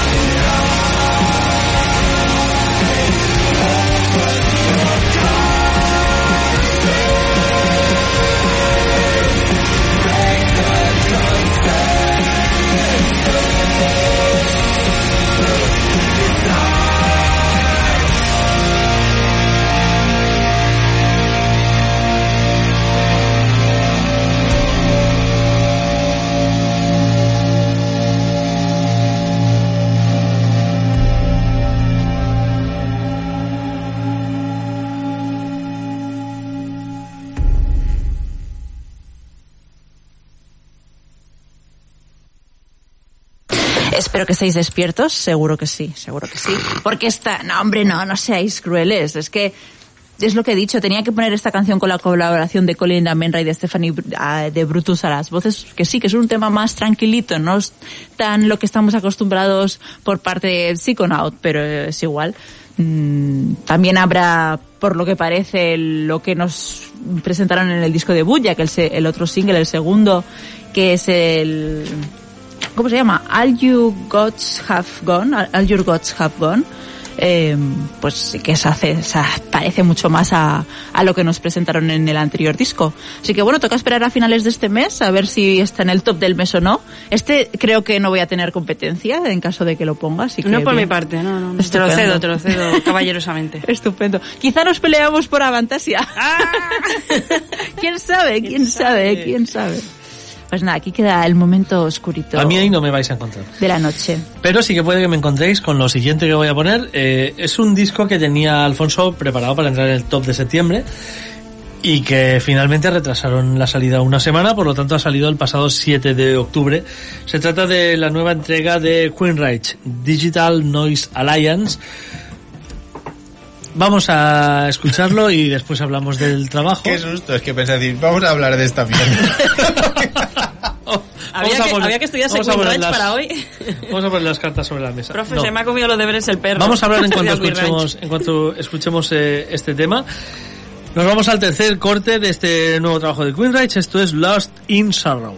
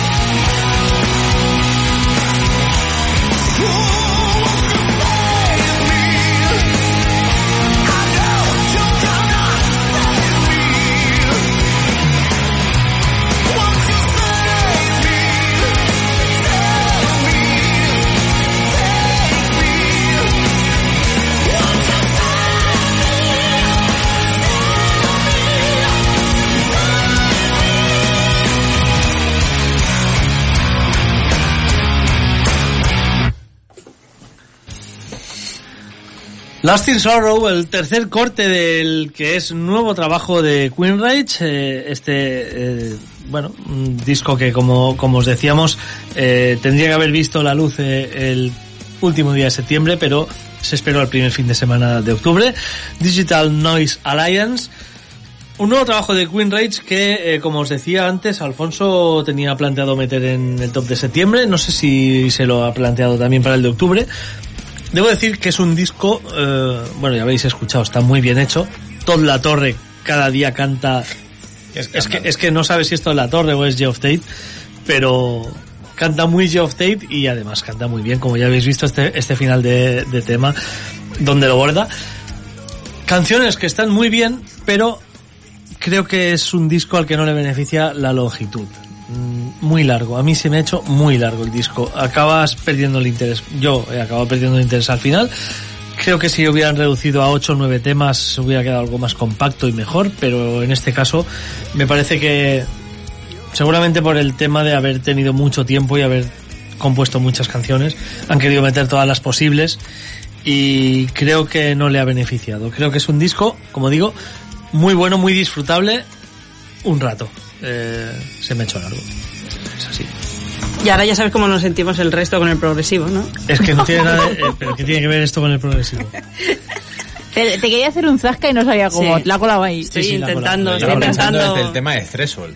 Sí, eh, pero es que desde lo de Kiss que no levanto cabeza. Estoy todavía obsesionada con lo de Kiss que no, sé cómo mira, devolver ese no, ya, ya que, mira, te agradezco el capote porque ya que comentas esto, eh, el primer single, Behind These Walls, un temazo increíble, un amigo me lo pasó diciendo, esto sí que es Queen Rage progresivo, ¿no? Porque yo siempre he defendido que Operation Mindcrime es un disco conceptual, pero no progresivo. Al ser conceptual mucha gente lo confunde con progresivo y no hay nada de progresivo ahí. Eh, a perder el concepto quizá. Eh, no, Behind Walls no es un tema progresivo, es un tema muy bien construido, pero es un tema de heavy metal muy bien construido, la verdad, con partes diferentes, pero nada progresivo. Y este disco tampoco lo es, como no lo es en absoluto la discografía de Queen Rage, pero sí que es un heavy metal hecho con una clase tremenda. Ahí Pero- sí que tengo que estar contigo, que es verdad que muchas veces se llama progresivo a cosas que no lo son y es importante que... Bueno, a la que un tema dura un poco más de la cuenta, a la que un tema tiene un par de cambios de bueno, de, de melodía o de ritmo incluso, Mm. ya lo metes en, un, en una etiqueta en la que seguramente no va. Al Queen Rage le ha pasado muchísimo. Se dijo hasta de Maiden. Sí, de estos se dice porque los temas de 10 minutos, pero es que sin, sin siquiera cambiar, Sí, sí. porque es el mismo riff cabalgante durante 10 minutos y se dice. Pero no, con Queen Rage ha pasado y de hecho tú en una tienda de discos entrabas y en la sección progresivo veías los discos de Queen Rage. Y creo que para nada, o sea, no, no tienen nada, aparte de la elegancia, eso sí que es verdad, es una banda muy elegante, y que sí que tienen canciones que, que, bueno, que tienen algún cambio de ritmo y algunos, bueno, algunas diferencias con el heavy metal seguramente más de ABC, más clásico. No tiene nada de progresivo, pero sí tiene muy buenas canciones este disco. Insisto, para mí, esperemos que Alfonso nos hable también de él eh, algún domingo de estos que no tenga concierto, que va a ser difícil. Pero si coincide que hay algún domingo libre y puede venir, pues a ver si nos habla también el de qué le ha parecido este disco, que a mí se me ha hecho largo y que hubiera recortado en por lo menos tres cuatro temas. Muy bien. Y Pues- ahora, por desgracia, Por desgracia, no, yo me iba a decir que me quedo en Estados Unidos, ya que Tony nos ha hecho viajar allí. Y voy a hablar de una banda eh, que os voy a explicar un poco de historia. perdón. Que No, te vayas voy a decir más ya. por desgracia ya. Venga. Prometido. Eh, su primer disco ¿Gettysburg? es de, de Gettysburg.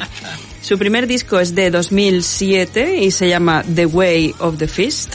Eh, y que lo mezcló Logan Mather, que es que esto lo traigo a colación de que la semana pasada estuvimos hablando de Machine Head, pues Logan Mather había estado en Machine Head y es un productor que hace, bueno, aparte de estar en Once Human, hace eh, discos que a, a Dani le encantan.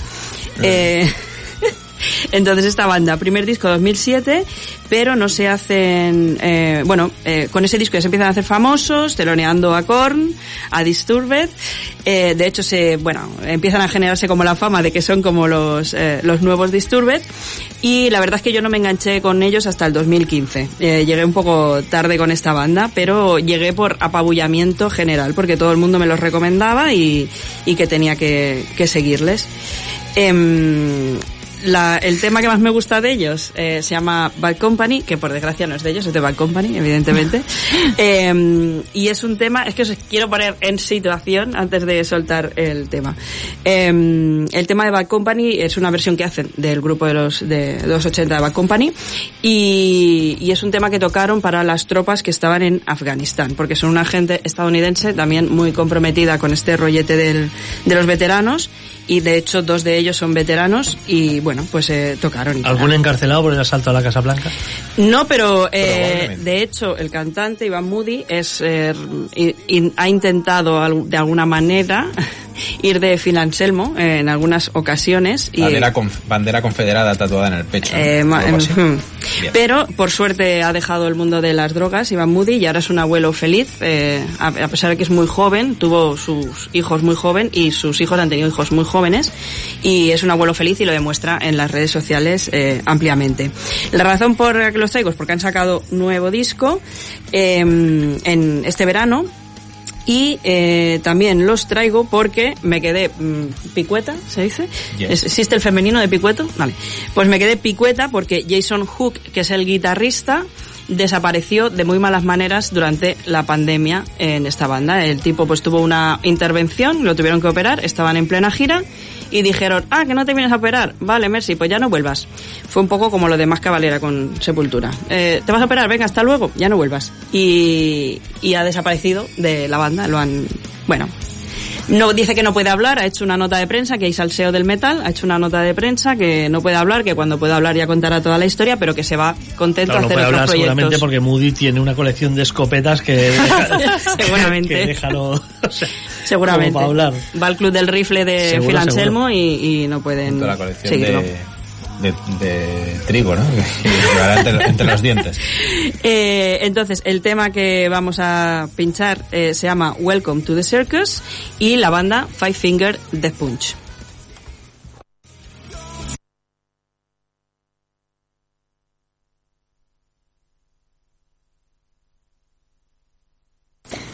Que el programa no acepta este tipo de propuestas. Ah, no, no, no me fastidies. Oye, ahora va a ser- eh, a este les he pagado. A este les he pagado que directamente. salgan, porque quiero que salgan. Bueno, os puedo, os puedo añadir información que... mm, A ver, la verdad es que es el internet de Radio Cornellá Sí, el que y lleva... es curioso porque en la teoría está sonando. Lo que pasa es que debe haber algún filtro. Sí, sí, debe ser eso. Que- Venga, pues voy a poneros u- u- algo a ver si el- la radio se decide. Tienen una colaboración con Rob Halford. Uy, Esto, Uepa, ¿qué viene? ahora, ahora. Viene el circo. Ah, pues Has nada. dicho Rob Halford y aquí está. Ya está. aquí ¿Ves? está. Claro, metal. coño. Pues me callo. Dejo el tema.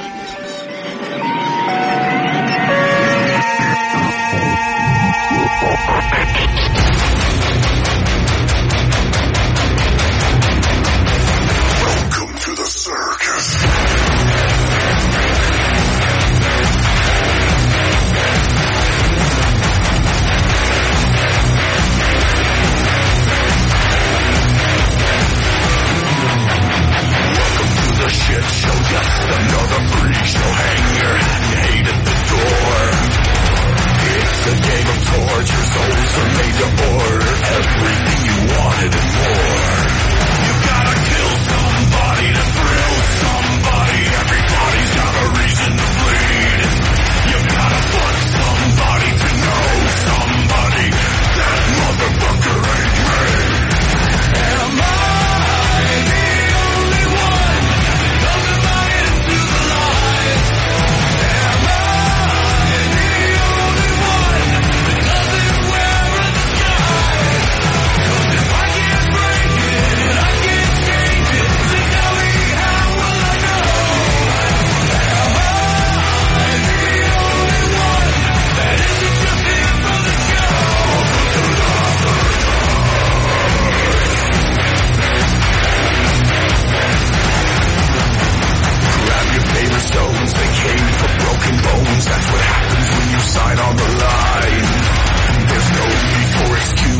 Everybody loses, only way you'll ever win is to die.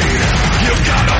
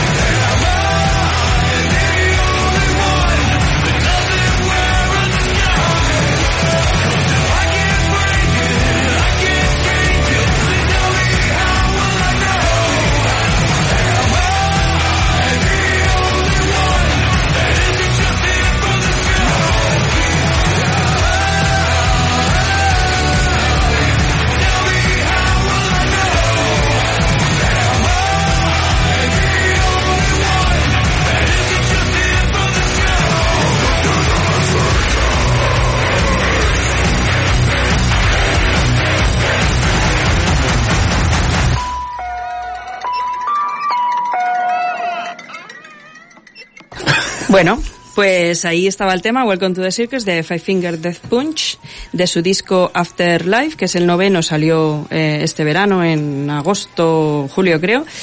Eh, y la única cosa que me quedaba por comentaros para quien le haya gustado y quiera profundizar es eh, lo que se estaba diciendo, que hay una colaboración de Rock Halford en un disco anterior, ¿eh? no en este, que se llamaba The- el disco The Wrong Side of Heaven and the Righteous Side of Hell. Toma con Nada el de título. puños, nada de puños. Este no era nada de puños. Em, y el tema en el que sale Halford es Lift Me Up, que es también así muy, bueno, sigue este mismo patrón también. Y luego hay otro tema que tiene una de mis frases favoritas de, de esta banda. El tema se llama Dot Your Eyes y lo que viene a decir es It's not the size of the dog in the fight, but the size of the fight in the dog, ¿no? Que a veces no es... eh, En el perro. Sí, en el perro. Eh, No es en el fusil en este caso, ni en el rifle. Ah. Eh, pero Pelea de perros. es por el rollo que muchas veces, eh, la- aunque seas eh, una persona que no aparente, que no, que tienes mucho que aportar, a veces es más, eh, pues en, en este caso los grandes compañeros que tengo, el conocimiento que tienen y la, el bagaje que que lo que, eh, que, que no una cuestión física de tamaño. Eh, nada, pues os quería empezar a introducir este tipo de estilo que me gusta mucho, el groove metal, y, y creo que ha sido una buena representación de una de las bandas que más están eh, eh, en auge en, en este sentido. Que ya Este son. estilo que debo decir que, que en general me repugna. Debo decir que Dead Finger Punch es de lo poco que, que me trago a gusto. No sabría decirte si un disco entero, pero sí que no me molesta ir escuchando canciones y, y alguna vez que me ha salido en algún estos algoritmos famosos que te venden alguna cosa y no me disgustan esta, esta gente. Ahora que me has explicado quiénes son y de qué manera son, igual ya me disgusta más, pero, pero en definitiva, yo agradezco estos, est- que salpiques con este, con este estilo, que tampoco manejamos tanto aquí porque no podemos tocar todos los palos y cuando fuimos con la cláusula de rescisión a traerte al octavo día fue también en parte por esto, para que aportaras esta parte de metal que nosotros no dominamos tanto y que creo que enriquece bastante el programa. ¿eh? Y que era pedida dentro de esas encuestas que solemos hacer en el Eurovisión del Metal. Los comentarios que nos dejáis era una de las cosas que, que se hablaba de que tocar esa parte que del core, del Mm. metalcore, que, que no tocamos porque por lo general no nos suele entusiasmar mucho. Y que es verdad que está ahí, tiene un montón de bandas, como tú dices, eh, Five Finger Death Punch son de los que más bombo tienen. Mm. Y, oye, mira, aquí están, Os en el intentaré octavo traer lo más representativo, tampoco lo más pequeño porque Bueno, oye. igual. Quién sabe, si te La molan, liamos, tú adelante, pero- tú, tú tira. Sí, esta es una buena entrada. Bueno, esto es una de los que hay que conocer. Como mínimo, si te gusta el metal y vas a festivales europeos o, o Si vas al Resu, o lo que si sea. vas al Resu. Mira, ahí te voy a... Este igual tiene un caveat. Este de Resu no, lo veo. Hostia, No. yo- hostia. Ah, Si hiciera algún festival en España sería el Resu, pero yo creo que Resu no apuntarían a este grupo. Vale. Yo creo que no apuntarían, no es, eh, no les, no es un estilo que va allí. Pero bueno, sí que seguramente mm, la mayor parte de la gente que va al Resu los conoce y los canta y, y lo, lo pinchan tipo cuando acaba el festival, las carpas Sí. estas que pinchan, seguro que lo pinchan para bailarlo porque la música es muy, lo lleva mucho. Entonces, eh, conocerlos sí, verlos allí, no sé, repaso, repaso a ver si han Son tocado. muy de backend esta gente ahora. De lo que es ahora backend. Sí, Ahora backend es esto, Con esto. básicamente. vale, vale. Sí, sí, ha, ha cam- ha cambiado mucho el backend. Bueno, se, se actualiza a lo que, a lo que hay. Ya está. Pues yo me voy hasta Orangeville, Ontario, Canadá, es decir, subo un poquito al norte para presentaros la nueva propuesta de Borealis. No sé si Tony los Sí, sí, tiene en claro. su radar. Por supuesto. Power metal melódico con ahora sí toques progresivos. Eh, ¿Aceptamos? ¿No? Bueno, bueno. Menos de lo que ¿Te se gustaría? venden. No, menos de lo que se venden. Ah, bueno. Bueno, por lo menos el disco anterior, que lo vendían como prog power y no era prog power, era, Era Power. era más hard power que prog power. El disco anterior al que hace referencia Tony es The Offering 2018. Llega una continuación, además una continuación de la historia, con este Illusions de 2022, un disco que he podido escuchar en diagonal, pero que ha llamado poderosamente mi atención.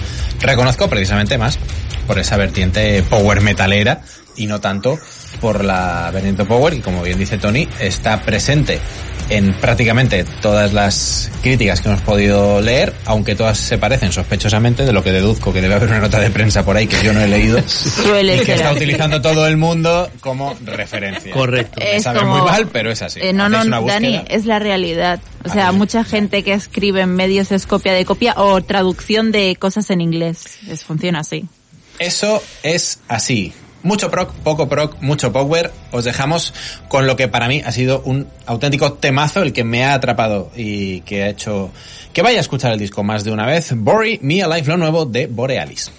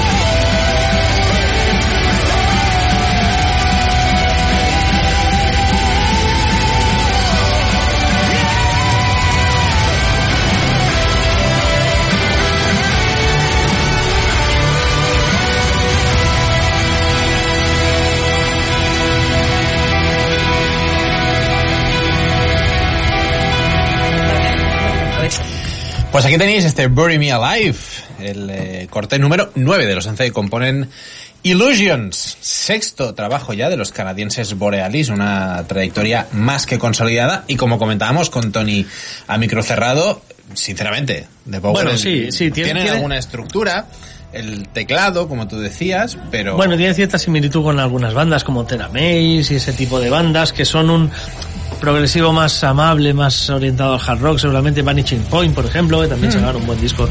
Y también tienen, tienen Genial disco, perdón. pues tienen, tienen, tienen mucha similitud con, con Vanishing Point, por ejemplo, y esta, este tema que no había escuchado aún, pero eh, sí que es cierto, me ha recordado bastante a Vanishing Point y por ahí, pues no me extraña que, seguramente por relación con el relacionado, ¿no? Porque a Vanishing Vale. Point se le relaciona, pues en algunas partes con Magnitude 9, Symphony X y grupos de este estilo, entonces si tú tienes relación con el que se relaciona con grupos más prog, pues sí, sí, y ese teclado, ese teclado ayuda bastante a... progresivos de segunda generación, indirecto. Ayuda bastante, sí, sí, de segundo grado. De segundo grado, exacto. Ayuda bastante ese teclado, ¿no? A que los califiquen dentro del progresivo, pero sí, sí, sí. Bueno, va, Es- esto, esto es- lo- Es un power elaborado, ¿no? Bueno, es, es que no es el power europeo, happy Hmm. o caballesco al que estamos acostumbrados, pero vaya, Pero sí que es verdad que tiene más relación con el progresivo que, que seguramente otras bandas. puede ser. Yo, que no le tengo un apego especial al, al progresivo, esta banda Borealis me entraba bastante bien. No he seguido la banda precisamente de forma cercana, pero esta ilusión me ha saltado a la cara como un alien saliendo del pecho. Y lo cierto es que ha habido temas como este Bury Me Un Alive, poco, un poco Evergrey estoy notando ahora también. Evergrey también los mete muy en progresivo cuando yo no les veo tan progresivos. Sí que es verdad que alguna, pero no, yo no los califico de progresivo. Es verdad que se traen unos teloneros muy progresivos que me hacen ir a cada concierto que, vi- que vienen. Pero sí, tienen ese, ese rollete que entiendo que los califican de progresivos. Sí, sí. En Borealis tenemos a Aiden Watkinson, bajista, quien toca también en bandas como On Boat y Anahata, que yo juraría, juraría que han sonado aquí en el octavo día, aunque habría que chequearlo. En fin, AFM Records, con estos Borealis, gran disco. Amantes del prog, amantes del power, amantes del heavy metal, echadle una escucha. Y ahora vamos con una novedad de ultísima hora porque tenemos al teléfono a nuestro compañero Alfonso. Alfonso, ¿qué tal? ¿Qué tal? Buenas noches, ¿cómo va eso? Pues aquí estamos, echándote de menos, pero queremos que nos cuentes ahí el, el salseo de, de los conciertos del metal, que has estado en un buen concierto hoy, había un cartel muy interesante.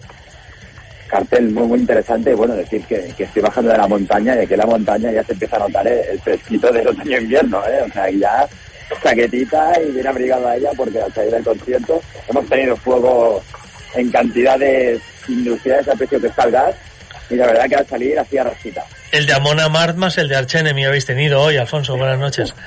Buenas noches, Tony.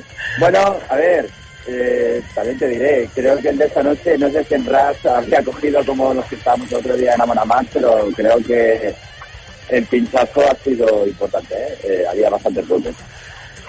Sí, sí, sí, se- es, lo que nos temíamos, lo que se temía Madness también con Amon Amarth hubiera pasado lo mismo y, y la verdad es que parece que te hemos llamado a 1986 por el sonido que, tenemos, no es muy bueno, pero dentro de, ese sonido, cuéntanos un poco por encima cómo han estado las bandas hoy. Bueno, a ver, como decía Genia, es un ca- era un cartel muy, muy interesante. Eh, había eh, cositas para todos los gustos. La tarde pues empezaba pronto y empezaba de, de buena forma para, para algunos, para mí personalmente no, porque la banda que, que abría el cartel, Into Others, pues no era, pues bueno, como dice Dani muchas veces, no era mi, copa de té. Era una banda solvente, una buena banda, pero a mí ese estilo a medio camino, sé que compañeros como Jero, por ejemplo, le tienen en muy buen aprecio, pero a mí no me han acabado de, de hacer el peso, eh, tintes góticos, eh, pero a mí esa voz a los Robert Smith de The pues me echaba bastante para atrás. Las partes cañeras bien, pero las partes más limpias pues no me acababan de, convencer. Cualquier caso, pues la gente que estaba aquí, pues división de opiniones entre los que les han encantado y los que, como a mí, pues bueno, nos ha dejado un poquito fríos para calentar el ambiente bien, pero poco más. El segundo plato de la noche, Carcas, hombre, aquí ya estamos tras mayores, quizás el sonido pues no les ha acompañado. También os digo, mirando el cartel con perspectiva, eh, ver a Carcas de teloneros de, de Ark Enemy, los que ya peinamos alguna cana, como tú y como yo, Tony, pues es curioso cuanto menos, ¿no? Ver Curioso, que- dejémoslo en curioso. Exactamente, no vamos a hacer muchos matices, pero, es curioso, eh, y no venís de segundos, venís de terceros, como, bueno, pues el tiempo pasa, ¿no? Yo me he salido a toda y vosotros habéis quedado anclados. Caso, yo creo que, que Carcass han hecho un bolo solvente, como te decía, el sonido, pues, no ha acabado de acompañar. Sí que es verdad que me ha sorprendido que llevaban dentro de su modesta puesta en escena, decirlo de alguna forma, ya unas proyecciones que han dado bastante colorido, eh, han sonado bien, no, no han sonado bien, pero bueno, eh, los temas clásicos han caído, eh, especialmente los más melódicos, Headward, por ejemplo, el acento que es con cerrado. Y bueno, pues eh, un show que, sobre todo, eh, la opinión generalizada de la gente es hecho muy, muy corto. Han estado 35, 35, 40 minutos máximo sobre el escenario y evidentemente, pues, banda con tanto bajas y espaldas, pues ha hecho muy, muy, muy corto. Claro, pero eh, bueno, igual que un Trotters, a Carcass esto les acerca a un tipo de público, seguramente girar con Ark Enemy y Behemoth les acerca a un tipo de público, seguramente tienen más lejano a Carcass y seguramente les vuelve a poner, ¿no? En el mapa. Sí, pero, bueno, es lo que decíamos, es cuanto menos curioso, ¿no? Eh, casi anecdotario, ¿no? De que, que vengan de, de teloneros de, de ¿no? Yo después de ver a después de ver a Ceptelonear a Sabaton ya me da igual todo. Bueno, sí. Entonces, Pero aquí había muchas, incluso yo diría que emociones personales, ¿no? Entremezcladas y relaciones personales que, bueno, ha quedado ahí. Yo tenía, digo, hostia, quizás eh, Amos salga a tocarse algo con sus compañeros. Evidentemente, al Claro. final ha sido que no. Pero bueno. Eh, y pasamos ya a lo que ha sido, yo creo que el gran espectáculo de la noche. Dejemos, o sea, eh, ya lo habíamos visto cuando tocaron en, en la última vez. Eh, creo que esta noche se han coronado, han hecho un espectáculo sublime musicalmente. Musicalmente, mm, ha- eh, hay de decir que ha habido gente que le han encantado y ha habido gente que se ha aburrido. Evidentemente sabemos que, su propuesta pues es de parámetros más estrechos que, que otras bandas y ha habido gente pues que le ha gustado el espectáculo y no le ha gustado musicalmente. Yo, desde mi punto de vista, me han encantado en las dos perspectivas, tanto musical como el espectáculo que han traído, que ya os digo, ha habido derroche de fuego y aparte es que ha sido descomunal. Era, era como estar dentro de una misa negra prácticamente. Ha habido fuego cruzado por todos los lados, humo, proyecciones, eh, cambios de vestuario. También os digo, creo que después de ver esto había que un poco eh, replantearse lo que es el concepto de metal extremo y qué bandas englobamos dentro del metal extremo. Porque esto es- está casi... Que la gente me entienda, ¿eh? salvando las distancias. Dentro de unos Kiss y no de, de metal extremo. Ya os digo, salvando las distancias. Pero que Bueno, está la puesta en escena, ¿no? Escenografía, Hmm. eh, a todos los niveles. Sí que es verdad que la puesta en escena son muy característicos, ¿no? La cuidan mucho y que, quién va apareciendo en qué momento, quién se sale del escenario, ¿verdad? Sí, pero es que a nivel, ya os digo, de, de cómo hay que posicionarse, porque evidentemente cuando juegas con fuego lo que no quieres es quemarte. Que se lo yo digan a eh, Que se el, que no haya estado, el que no haya estado en el concierto de esa noche hemos tenido fuego eh, en cantidades industriales. ¿eh? Hmm. en la descarga de, de Behemoth. Yo os digo, yo personalmente he salido súper satisfecho. Igual luego te ibas hablando con la gente y bueno, el que le gusta ese estilo de música, pues como yo, súper contento. Y el que lo ha visto un poco los toros de la barrera, pues eh, espectáculo muy guapo, pero musicalmente me han llegado a aburrir. Sí, luego también hay que Pero, entenderlo, ¿no? El concepto, porque yo recuerdo haberlos visto en un Sweden o algo así, y estaba con una gente que no pilotaba, bueno, no pilotábamos, me incluyo en la de esto, eh, pero eh, hacía, por ejemplo, el Padre Nuestro Satánico, y entonces ahí yo pillé algo y digo, ah, mira, esto es esto, y la gente que estaba conmigo no tenía ni idea que, que, que es lo que estaba recitando, o sea que... Eh, Eh, Inma, es un concierto que para disfrutarlo tienes que meterte dentro y sumergirte. No vale estar con la cerveza en un lado y estar hablando con los colegas y prestar atención tres minutos en cada canción. Tienes que estar dentro del show. Si no, no lo pillas. correcto, correcto. Y Arch Enemy, los cabezas de cartel, las estrellas de la noche, ¿qué tal? Porque yo debo decir que en el último concierto de Arch Enemy que vi, y digo último porque es el último en el tiempo que vi y el último que veré, seguramente, me fui antes de acabar. Hoy, ¿qué tal? Bueno, a mí, a ver, es otro concepto de, espectáculo, es más ortodoxo, más heavy metal clásico, por así decirlo, en el sentido de que ha habido fuego, eh, en cantidades menos industriales que en Behemoth, ha habido humo, ha habido escenografía, eh, ha habido buenos músicos y ha habido un buen espectáculo. O sea, nada, nada, musicalmente no se les puede reprochar nada. Sí que es verdad que viniendo donde, donde veníamos, estaba con, eh, con nuestro amigo en común Pep y lo comentábamos cuando acabamos Déjenos, veremos qué van a hacer al Kennedy para superar esto. Y evidentemente a nivel de espectáculo no lo han superado. A nivel musical, pues quizás han estado a la par. Porque cuando llevas a, a Jones y, y, Amos, pues tienes ahí un par de hachas que, que te llenan el escenario simplemente con su presencia y su forma de tocar. Y estamos ante una banda con unas tablas y una calidad, pues que poco se les puede reprochar. Una Yo creo que- curiosidad. Alfonso, una curiosidad, porque la última vez fue en Razmatazuno eh, con Arkenemy y a mí me flipó muchísimo con lo difícil que es conseguir el montón de pelos azules que vi en el público. Había mucho pelo azul en esta ocasión porque es muy difícil conseguir el azul. Tienes que, que meterle ahí producto muy chungo. Había mucho azul esta noche, Alfonso. A ver, a- alguna había, pero yo estuve también en el concierto que comentas y creo que aquella vez había un poco la fiebre alisa, ¿no? De- era cuando Sí. llevaba menos tiempo, había, estaba la fiebre. Y hoy había, había alguno, pero no era como aquella vez. Vale, vale. Ya, apunte de salseo. Hecho. Sí, cuanto menos, cuanto menos curioso. Y bueno, decir que los nuevos temas, aunque no han caído muchos, han sonado muy bien, pero evidentemente, pues, a ver, temas como War Eternal, como Nemesis, eh, se han llevado la palma y han vuelto a la gente loca, o sea, literalmente loca. Y un concierto, ya os digo, eh, muy solvente, eh, muy, muy tinte clásico, Tony estará de acuerdo conmigo que, que Amot es, es, es- es el Schenker de, de, de nuestra generación, por así decirlo, solo hay que verle cómo se encorva sobre la flecha. Y yo creo que todos hemos salido contentos, satisfechos y bueno, De eso se trata. pues exactamente, de eso se trata. Pero yo, desde mi punto de vista, creo que los grandes triunfadores de la noche han sido Behemoth. Yo os digo, porque a veces eh, la música es importante, pero cuando lo englobas con un buen espectáculo, la verdad es que sube muchos enteros. Y esta noche yo creo que Behemoth se han postulado como una banda realmente grande de cara a los próximos años si no lo habían hecho anteriormente. Pues nada, Alfonso, muchísimas gracias por esta super crónica, más que express, más que casi, eh, vamos, Recién instantánea. del horno, ya os digo, de la sala. Sí, sí, totalmente, muchas gracias. Y nada, nos vemos, escuchamos por aquí dentro de poquito y también estaremos pendientes a tu crónica más extensa y escrita en Rafa Basa. Pues ahí estaremos. Pues muchas gracias y buenas noches a todos, compañeros. Buenas noches. Buenas noches. Adiós, Alfonso. Que vaya bien. We may be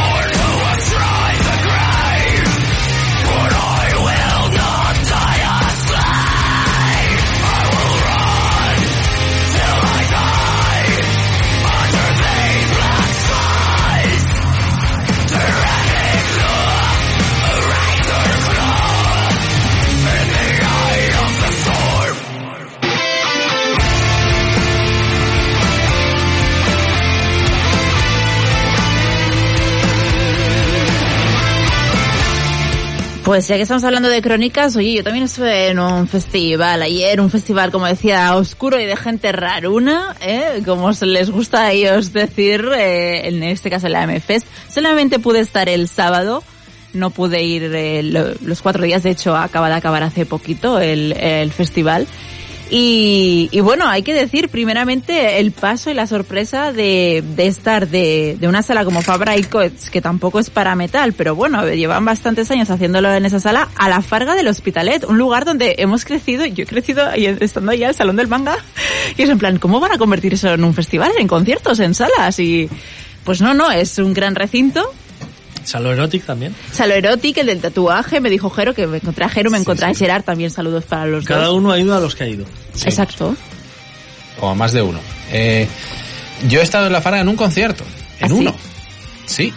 En el año 2001, creo. En el inicio, primer concierto de la gira del Folktergeist, de Mago de Oz. Hostia. Pues bueno, en mi caso era la primera vez. pero- Yo he estado varios, pero claro, te tiene que gustar loquillo.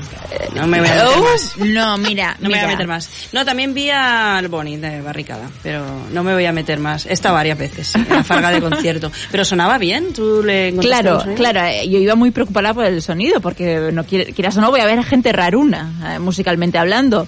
Entonces, eh, yo estaba muy preocupada por el sonido. Llegué y estaba muy fuerte, durante todo el festival estuvo demasiado fuerte. Yo siempre voy con tapones y me, me duelen aún los oídos. Uf. Y yo siempre voy con tapones. O sea, Y no, eso no está por jugar, o sea, yo soy muy delicada con mis oídos. Y, y me, y estaba para mí demasiado alto, demasiado para mí. Y aparte, bueno, así empezando un poquito un resumen rápido. O sea, una mm, chavala que escucha Brutal Death Checo dice que es muy delicada con sus Sí. oídos, ¿eh? No, no. Perfecto. Perfecto. eh, Sí, eh, adelante. Hemos Oye, entendido. una Ya cosa está. no está Es reñida una mujer de contrastes. con la otra. Exacto. Perfecto. Pero Me voy al liceo y a, bajito. y a las casas punkis a ver a los gorrinos Eso, y tirarse sangre, pues ya está. No, no. A Pero bajito, pero bajito. Bajito. Pero, pero, baj- pero bien de volumen, hombre, que la música alta no se disfruta, la música se disfruta cuando está en el volumen óptimo. Y así no te quedas sordo y escuchas más metal durante muchos más años, ¿eh? Eso es importante. No eres lo suficientemente cani ni tienes un alpine montado en el, en Exacto. el Renault Megane. Está clarísimo. Eso es.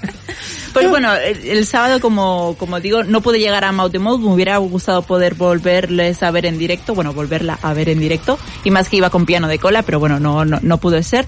Eh, llegué a Maybe She Will, una banda que cero interés, pero en directo pues eh, había distorsión, cosa que lo que había escuchado previamente no había distorsión y estaba un poco preocupada en plan, me voy a dormir. No, estaba muy bien. Alto el sonido, pero, pero ¿Me interesante. voy a dormir? Maybe she will. Maybe Sí. she will, exacto, nunca mejor dicho. Y llegamos a una de las cosas que más ganas tenía de, ver y escuchar en directo, como son Icarie, una banda que ya presentamos aquí en el octavo día el año pasado cuando editaron su disco debut Cuerpos en Sombra, una banda de doom post-metal formada por gente, vamos a decir, mitad de Joleum, Shadow Waters, demás, o sea, Murcia, Valencia, gente que sabe tocar buen metal de Murcia y Valencia, más gente que también sabe tocar buen metal aquí en Barcelona. Eh, pues sí, se marcaron un discarral, estuvo, eh, recuerdo, en mi top 10 del año. El metal del corredor del Mediterráneo. Sí, metal del corredor del Mediterra- bien. Mediterráneo y la verdad es que el directo súper bien, el sonido para mí un poco mal, pero sí que te, en directo te transmiten muchísimo pues no ese doom, ese sufrimiento, ese de lo que van las letras, ¿no? Eh, De, de existencialista y y demás. Eh, O sea, conecté con ellos en directo, pero el sonido me fastidió un poquillo porque estaba alto y a veces no se escuchaba bien. De hecho, hubo un rato que me tuve que quitar los tapanos porque con los tapones es que solo escuchaba a Pablo, el cantante, y era en plan, no, aquí hay algo que no, que no va muy bien. Pero bueno. Por lo demás, eh, fue un concierto agradable y tengo muchísimas ganas de poderles volver a ver en directo y más que están preparando lo que es su segundo disco, así y tengo pues grandes expectativas, hombre, si con el debut estuvo en mi top 10 del año, pues imagínate las expectativas que tengo, evidentemente, no es por meter presión, ¿eh? Pero ahí queda la cosa. Si el disco está grabado y además ya no pueden hacer, el disco está grabado, tengo 100% confianza en que lo que van a sacar me va a gustar. Luego fue turno de Anna von mm, un súper renombre dentro de la escenilla así weirdita y oscurita que personalmente mm, horrible, no me gustó. Esa señora sí que estaba alta, o sea, No te gustó a ti, pero, eh, pero visto estaba a gente, lleno de gente pero he visto a gente en. Instagram y en redes Sí. mm, diciendo que, que lo mejor que han visto en su entera vida. Yo aproveché para irme a cenar, que dentro del recinto había zona de cena, zona de chill out, me encantó que pongan zona de chill out. Para chill out muy fuerte también. El chill out estaba muy fuerte La también. zona de chill out y zona de chillao. Exacto, Exacto. exacto, pero, pero o sea, sí, el escenario estaba, o sea, yo estaba a un lado, alejada del escenario y, y- y era horrible, o sea, mis, Vaya. mis oídos horribles. Para a mí no me gustó, lo- pre- pensaba que me iba a gustar más lo que ofrecía Anna von Hauswolf, pero no. Y lo que sí que quería ver, tenía muchas ganas, eran, bueno, es, es ella sola, la, la lingua ignota, que ellas también discos que, que hemos pinchado aquí en el programa, poquito, porque se alejan un poquito de la línea del programa, pero que siempre están en mi top y siempre que saca un disco esta señora, pues me maravilla, me cautiva. Es brutal verla en directo por la performance que hace, como comentamos en su momento, el disco habla de una de la relación de maltrato que tuvo, por tanto, en cada directo se mete en la piel de, de todo lo que sufrió, que eso es súper difícil luego de gestionar, ¿no? Emocionalmente Masoquismo puro, ¿no? Sale, sale y ya con la cara, ya, ya sale con la cara descompuesta, te transmite desde el primer momento. Esto es una hora ahí, en conexión con ella, me, me gustó muchísimo. Aparte, también había piano de cola, y sí que al final nos deleitó ella tocando el pianito, que eso siempre está bien porque al final, al ir ella sola, todo lo demás estaba grabado, y pierde un poquito pues la esencia, ¿no? Por más que ella interprete muy bien y tenga una espléndida voz, pero te falta ahí un poquillo, un bobo, te falta alguna cosilla. Pero bueno. Luego mucho criticar a Rosalía, pero Lingua Ignota sí, ¿eh? Lengua le estoy critic, le estoy diciendo las cosas que cambiaría, hombre. No, no estoy siendo die hard fan. Y luego fue el turno de Celeste, que Celeste que les he visto un montón de veces, esos franceses también pósters que hablábamos antes que siempre van con todo luces rojas y que parecen mineros en busca de, no sé, de algo. Pero bueno, pues esta vez lo bueno es que al haber un festival detrás y no en una sala super underground, pues tenían para hacer proyecciones y acompañada su directo con proyecciones, pues fue muy interesante de ver. El sonido, eh, lo que pasó es que empezó fatal y vino un chico del público que era el técnico de Celeste, dijo, aparta de aquí, tocó un botón y eso sonó exquisiti- exquisitamente Vaya. bien. Entonces, cosas a mejorar de la MFest la vez que he estado. El volumen, señores, por favor. Y que pongan técnicos que, que, que sepan, ¿no? O sea, en este caso, gracias a que estaba el técnico de Celeste o Ryder o lo que sea de, de la banda, que supo dónde tenía que darle. Bueno, y bueno, para que cuidado, sonasen eh. bien. cuidado, eso es muy delicado. ¿eh? No siempre es bueno que venga el técnico de la banda. Y más tuvo como John Rock the Coast y vimos como el técnico de Conception, re- re- o sea, reseteó la mesa de sonido, o sea, se Wow. reinició seis veces la Bueno, mesa de eh, sonido eh. porque él, él sabrá sonorizar a la banda, pero no había tocado esa mesa nunca y, y el hombre no daba con la tecla. O sea que sí, pero Pues yo creo que ahí punto. Conception, creo que no contrataron al señor eh, con todos los conocimientos oportunos para bueno, ello. es su técnico, su técnico, lo que pasa que el chaval decía que no había visto esa mesa nunca. Hostia, bueno. Ya, ya, ya. Bueno, en, bueno, mira, con Celeste tuvimos esa suerte. Y luego tocó Carpenter Brut, que es en plan este que hace así electro, wave, dark, whatever, y me quedé un ratito porque digo, voy a ver esta curiosidad, tiene un gran renombre dentro del mundillo. Digo, pues voy a ver qué me ofrece. Bailoteo me ofreció. Muy bien, unos muy buenos visuales. Estuve un ratito solo, pero vamos, gozándolo. A, a la una de la madrugada como que te apetece también ese tipo de propuestas. ¿Sí? Sí, sí, Ah. curiosamente sí. Después de tanta oscuridad y de tanta gente triste y, y raruna, pues como que te apetece un poco de, de synthwave de este. Y nada, y luego tocaba otra banda, pero ya no la vi porque, pues bueno, ya está. Ya mi, mi cupo fue suficiente. Es una muy mala crónica y express, pero bueno, es que si no se nos va todo el programa. el nivel de acreditación que te dieron tampoco creo Eh, sí, que tenga que exacto. ser mucho mejor. O sea, es lo que viste y ya está. Es- es así. Como que me he esforzado tanto para pedir la acreditación, ¿sabes? Tampoco, pues, tampoco. pues eso, ahí queda la cosa y de todo lo que he dicho, con lo importante que os tenéis que quedar son con Icarie, que aparte van a sacar nuevo disco, estaremos pendientes de, de lo que vayan a editar cuando vea la luz, pero de mientras recuperamos ese magnífico debut a ritmo de la canción Maledicción.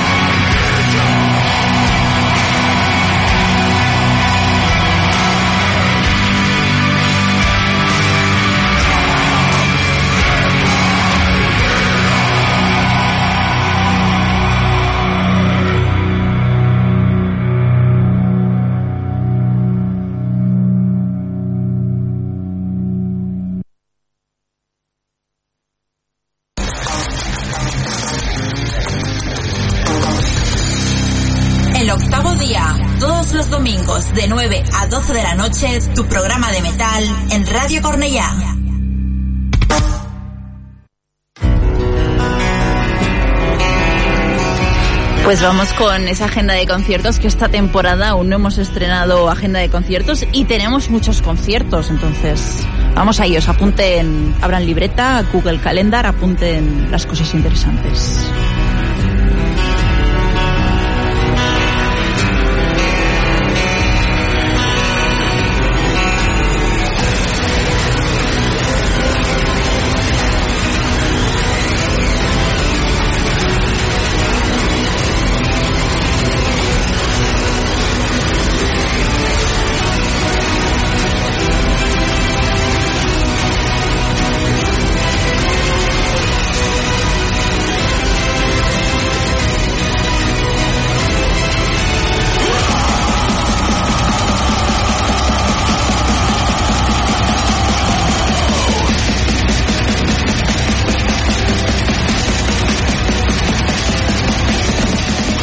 Pues empezamos con el martes 11 de octubre con Hardline y Ecstasy en la sala eh, Razmataz 3.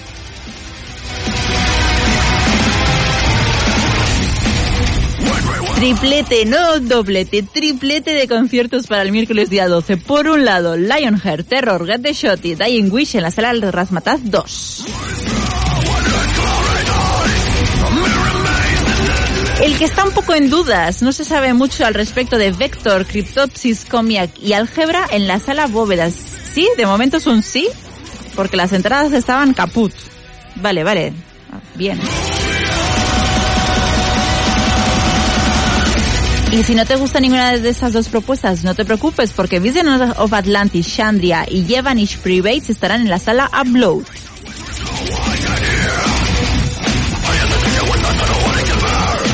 Nos vamos al viernes día 14 con Gals, Weird, Saur y Gaerea en la sala Bóveda.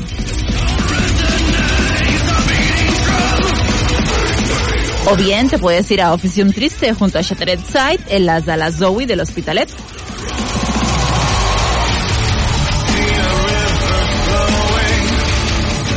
Sábado día 15, por un lado Amarancí, Beyond the Black, Butcher Babies y Ad Infinitum en la sala Salamandra.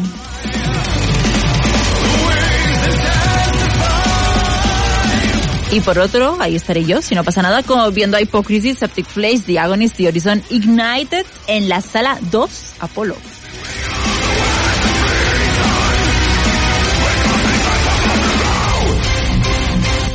Domingo 16, Nervo Caos en la sala Meteoro, que está en el Passage de Montjuic, que es una sala no muy fichadilla, pero para que se lo sepáis, no vais para arriba, para Montjuic.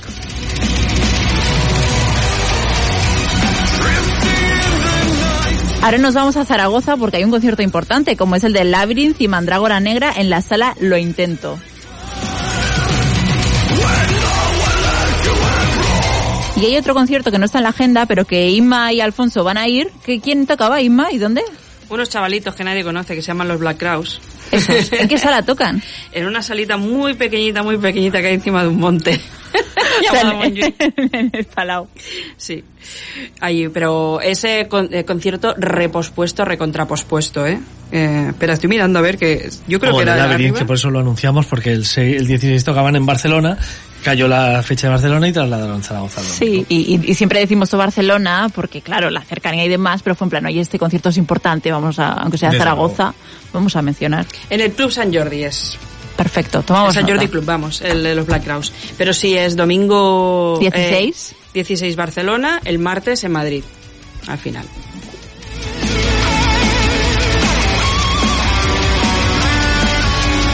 Seguimos con el martes 18 Paradise Lost y Obsidian Kingdom en la Sala Polo.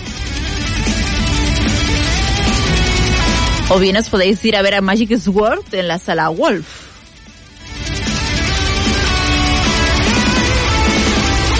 Día siguiente, miércoles 19, Evergrave, Fractal Universe y Virtual Symmetry en la Sala Bóveda.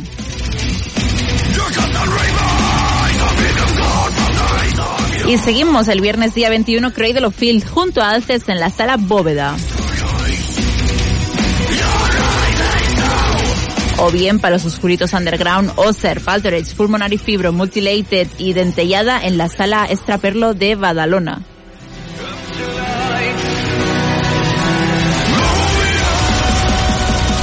Seguimos en octubre aún, domingo 23, Urian Hip en la sala Razmataz.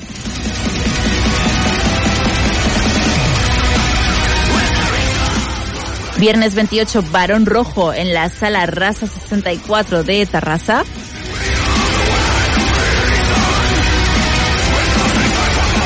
Y finalizamos mes con el sábado 29, Wolf is in the Throne Room, Incantation y Bolt en la sala Apolo.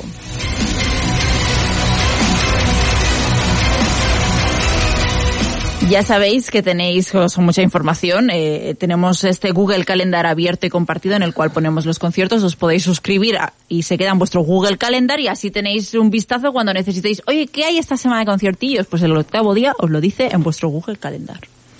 Ahí queda la cosa. Añade el de arena, que estoy yo hablando de arena. Vale, ¿qué día quieres? Martes 25. 25. ¿A Era en hora? bikini, pero finalmente Razmataz 2. Vale, Arena Razmataz 2. Añadido ahora mismo. Con ese has ganado o has perdido en el cambio. Eh, sala. por el sonido he perdido, porque bikini suena muy bien, pero esto yo lo comentaba eh, La semana pasada lo la dijimos. semana- ¿no? En bikini, bikini no es una sala de metal, no nos tratan bien, no, no, no, no me gusta ir a bikini, la verdad. Dentro de que he disfrutado de muchos conciertos muy buenos allí, pero matar dos estás más en casa. Eh, Royal Han, por ejemplo. Royal Han puede ser que los haya visto en todas las salas de Barcelona ya. ¿Sí? Pues ah, mira, muy bien. En todas. Te tenemos que hacer una insignia. Uno no. Fan destacado de Royal Han en Sí, Facebook. es que sí, sí, sí. Y Lo he visto en Apolo, les he visto en Bóveda antes de ser Bóveda. Sí, sí. Mm. Bien, eh, estabas hablando de la agenda de conciertos, has hablado de ese día 19, hablamos la semana pasada de lo que pasó en Madrid con las giras de Paradise Lost y Evergrey, que se solapan y se juntan y son cinco grupos eh, en lugar de, de dos más tres. Aquí no se solaparán y tendremos el martes a Paradise Lost y el miércoles a Evergrey junto a Fractal Universe, una banda francesa que hacen un metal progresivo con partes extremas también, combinando culturales y partes limpias, que está más que interesante.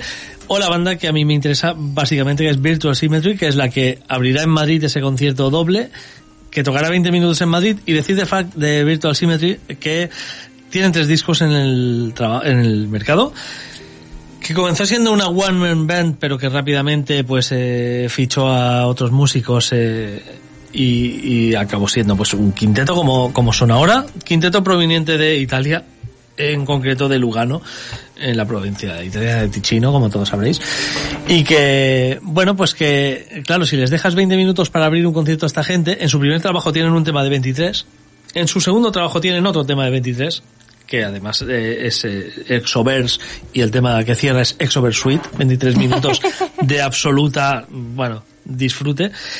Y en este nuevo trabajo que se llama como la banda, es curioso el tercer disco sea el que se llama Virtual Symmetry como la banda, tienen un tema mucho más corto que estos dos de 23, que dura 19.59, no llega a los 20 minutos, Cojonudo para abrir. es cojonudo para abrir y despedirse. Claro, claro. Pues es, es un tema que define también a la banda que no solo el disco se llama Virtual Symmetry, sino que el tema se llama Virtual Symmetry. Yo los he destacado en el especial de este mes de septiembre, es uno de mis dos discos del mes de septiembre. Me ha encantado. Es un sonido muy similar a DGM, no está Simone Mularoni, pero en el ambiente flota Simone Mularoni, y eso a mí me puede. Me he sentido aludida. Eh, Ana, tú también, que lo sepas. Sí, eh, como digo, un disco que a mí me, me ha llenado profundamente y además cuenta con Marco Pastorino a las voces, que ya se unió a ellos, los tres eh, discos los ha cantado él, a quien ya escuchamos el mes pasado que Dani lo destacaba, creo, fue con Fallen Sentinel. Un hombre que no para, Marco Pastorino, que nos encanta en el registro tónicaco que usa en Fallen Sentinel, pero que también nos encanta en este registro más italiano puro que usa con Virtual Symmetry. No os voy a poner los 20 minutos, básicamente porque nos quedan 20 minutos de programa, pero sí que vamos a empezar a escuchar este tema Virtual Symmetry para que veáis, para que lleguéis prontito el día de Evergrey y podáis ver a esta banda italiana. Virtual Symmetry con Virtual Symmetry desde su disco Virtual Symmetry.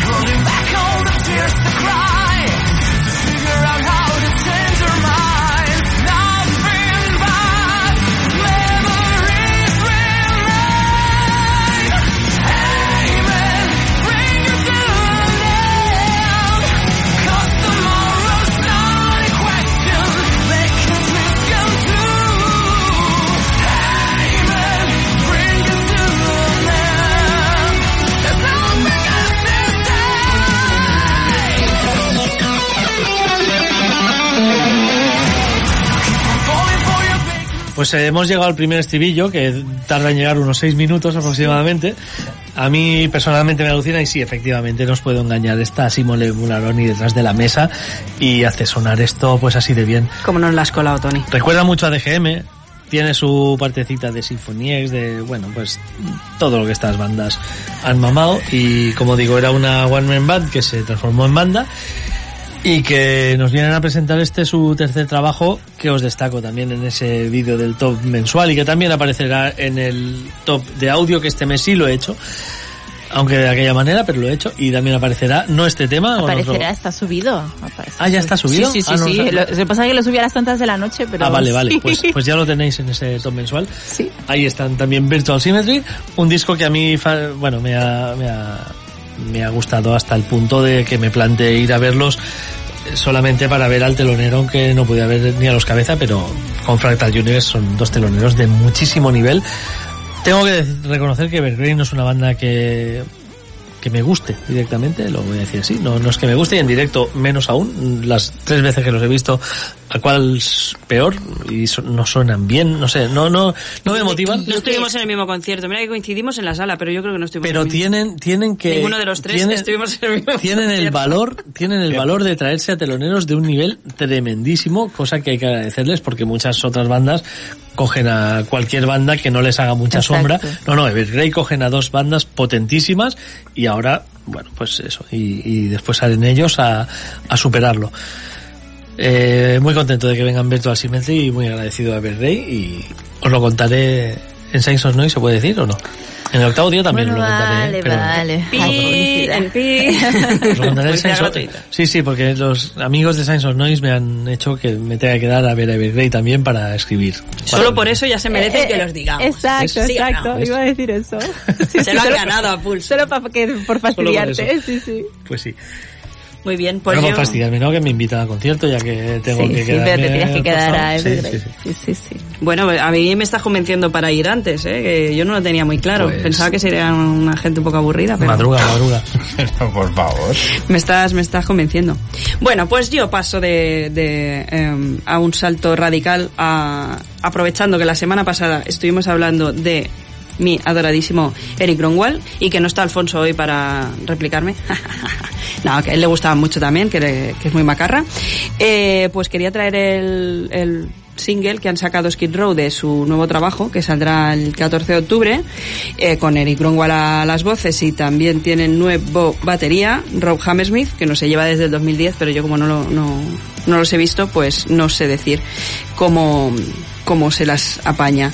El nuevo álbum que sale el 14 de octubre se llama The Gangs All Here, eh, saldrá por Air Music. Y el dato que quería apuntar yo y que me he enterado chafardeando sobre la banda porque no lo sabía es que Skid Row en realidad era una banda de Phil Lynott y Gary Moore y tuvieron que pagar Sí. 35 mil dólares para quedarse con el nombre. Wow. Poca broma porque eran Phil Lynott y Gary Moore, recordemos. sí. Pero bueno, mira, ellos se quedaron con Thin Lizzy y estos se quedaron con Me sorprende que una fan de, de Phil Lynott como tú no tenga esa edad. ¿Verdad que sí? Sí, me sorprende es que me he quedado eh, sorprendidísima, porque digo, a ver Isma, tú por favor, con lo que te has estudiado la asignatura de Phil Lynott y esto no lo sabes. Así que, bueno, pues vamos a pinchar Skid Row, el tema se llama Time Bomb y dejarme que se lo dedique a una gente de Soria muy enrollada que las ten- los tenemos escuchando y oye, mm, mola que el octavo día llegue a Soria también, que también existe. Claro que Así sí, que saludos. les dedicamos este tema a Skid Row.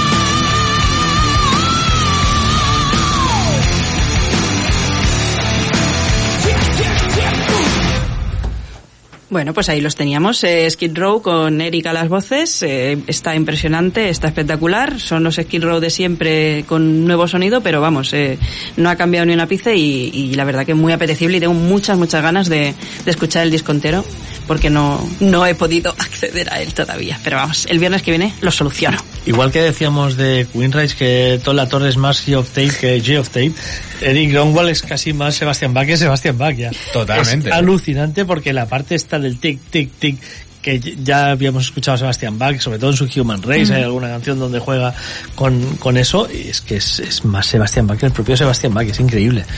Qué pintaza tiene. Yo sé que de este disco van a salir canciones para mi playlist de ejercicio. Porque Toma ya. ya este single es en plan, me mola, me mola. Joder, No, no, me ¿tienes lo, lo- voy a escuchar, hacía un montón que no escuchaba nada de Skid Row. Ni tú ni nadie, porque... Nadie. Desde Exacto. 2006, vaya. Pero ni de escuchar, Ni tú ni nadie. nada. Desde 2006. Nada. Bueno, en realidad desde antes, ¿eh? Que en 2006 hagan cosas no lo dudo. No significa pero, que... pero que lo escuchábamos, o sea, escuchamos un Human Race y dijimos, "Mm, pues no. De hecho, yo he escuchado más eh, a Sebastian Bach que a Skid Row en los últimos tiempos. Algún disco de Sebastian Bach estaba bastante potable. Hay mucho hype con, con esta vuelta. Sí, sí. Bueno, pues nada, una semanita para, para descubrirlo. Bien, bien. Queda nada. La, la próxima semana ya podemos hablar de ello. Vamos a criticar. También quiero decir, ya que nos quedan unos minutos para acabar, que eh, sale el próximo viernes, no, próximo 14, viernes, sí, sí, viernes viernes. 14.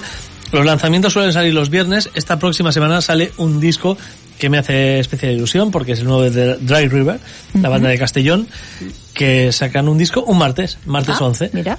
Eh, bueno, van a estar solos ese día en Release Day, con lo cual igual tienen algo más de atención. Y les puedes escuchar tranquilamente. Pues escucha tranquilamente porque hasta el viernes no sale toda, todo lo, Claro. La- el grueso de, de lanzamientos de la semana. Un disco que nos hemos pinchado en el octavo día, que ya han tenido varios adelantos y tal, pero es que me estoy esperando a que salga porque la que yo os quiero pinchar no ha salido como adelanto todavía y no se puede pinchar todavía. O sea que la semana que viene, que además tendremos tiempo, ¿verdad, Dani? Absolutamente. Pincharemos algo del disco de Ray River. Id también. preparándoos. Es que siempre me pierdo Dry River, igual que el día de asfalto. Me cago en la mar. Ese día fue mi primer día en directo con Ray River y, y la primera de tantas veces que me hicieron llorar en, un concierto de los cabrones. Pues nada, hasta aquí el programa de hoy. Muchas gracias como siempre por traernos aquí lo más, lo mejor eh, variadito del metal. Muchas gracias también a los que estáis al otro lado por escucharnos, interactuar y bien sea en diferido como en directo. Y nada, nosotros eh, lo dejamos aquí. Nos despedimos a ritmo de Opez y nos escuchamos la próxima Nos llama semana. María del Mar de Flugas diciendo que hay muy poco metal extremo. Eh, Bueno, en el bueno, día. pues María del Mar es lo que hay. La semana que viene. La semana que viene más y a veremos si mejor. eh, Que no estaré yo, ya se puede pinchar este semana que viene. Lo Gracias como siempre, que vaya bien la semana. Adiós. Adiós. Hasta aquí el octavo día. Te esperamos el próximo programa con lo mejor del metal.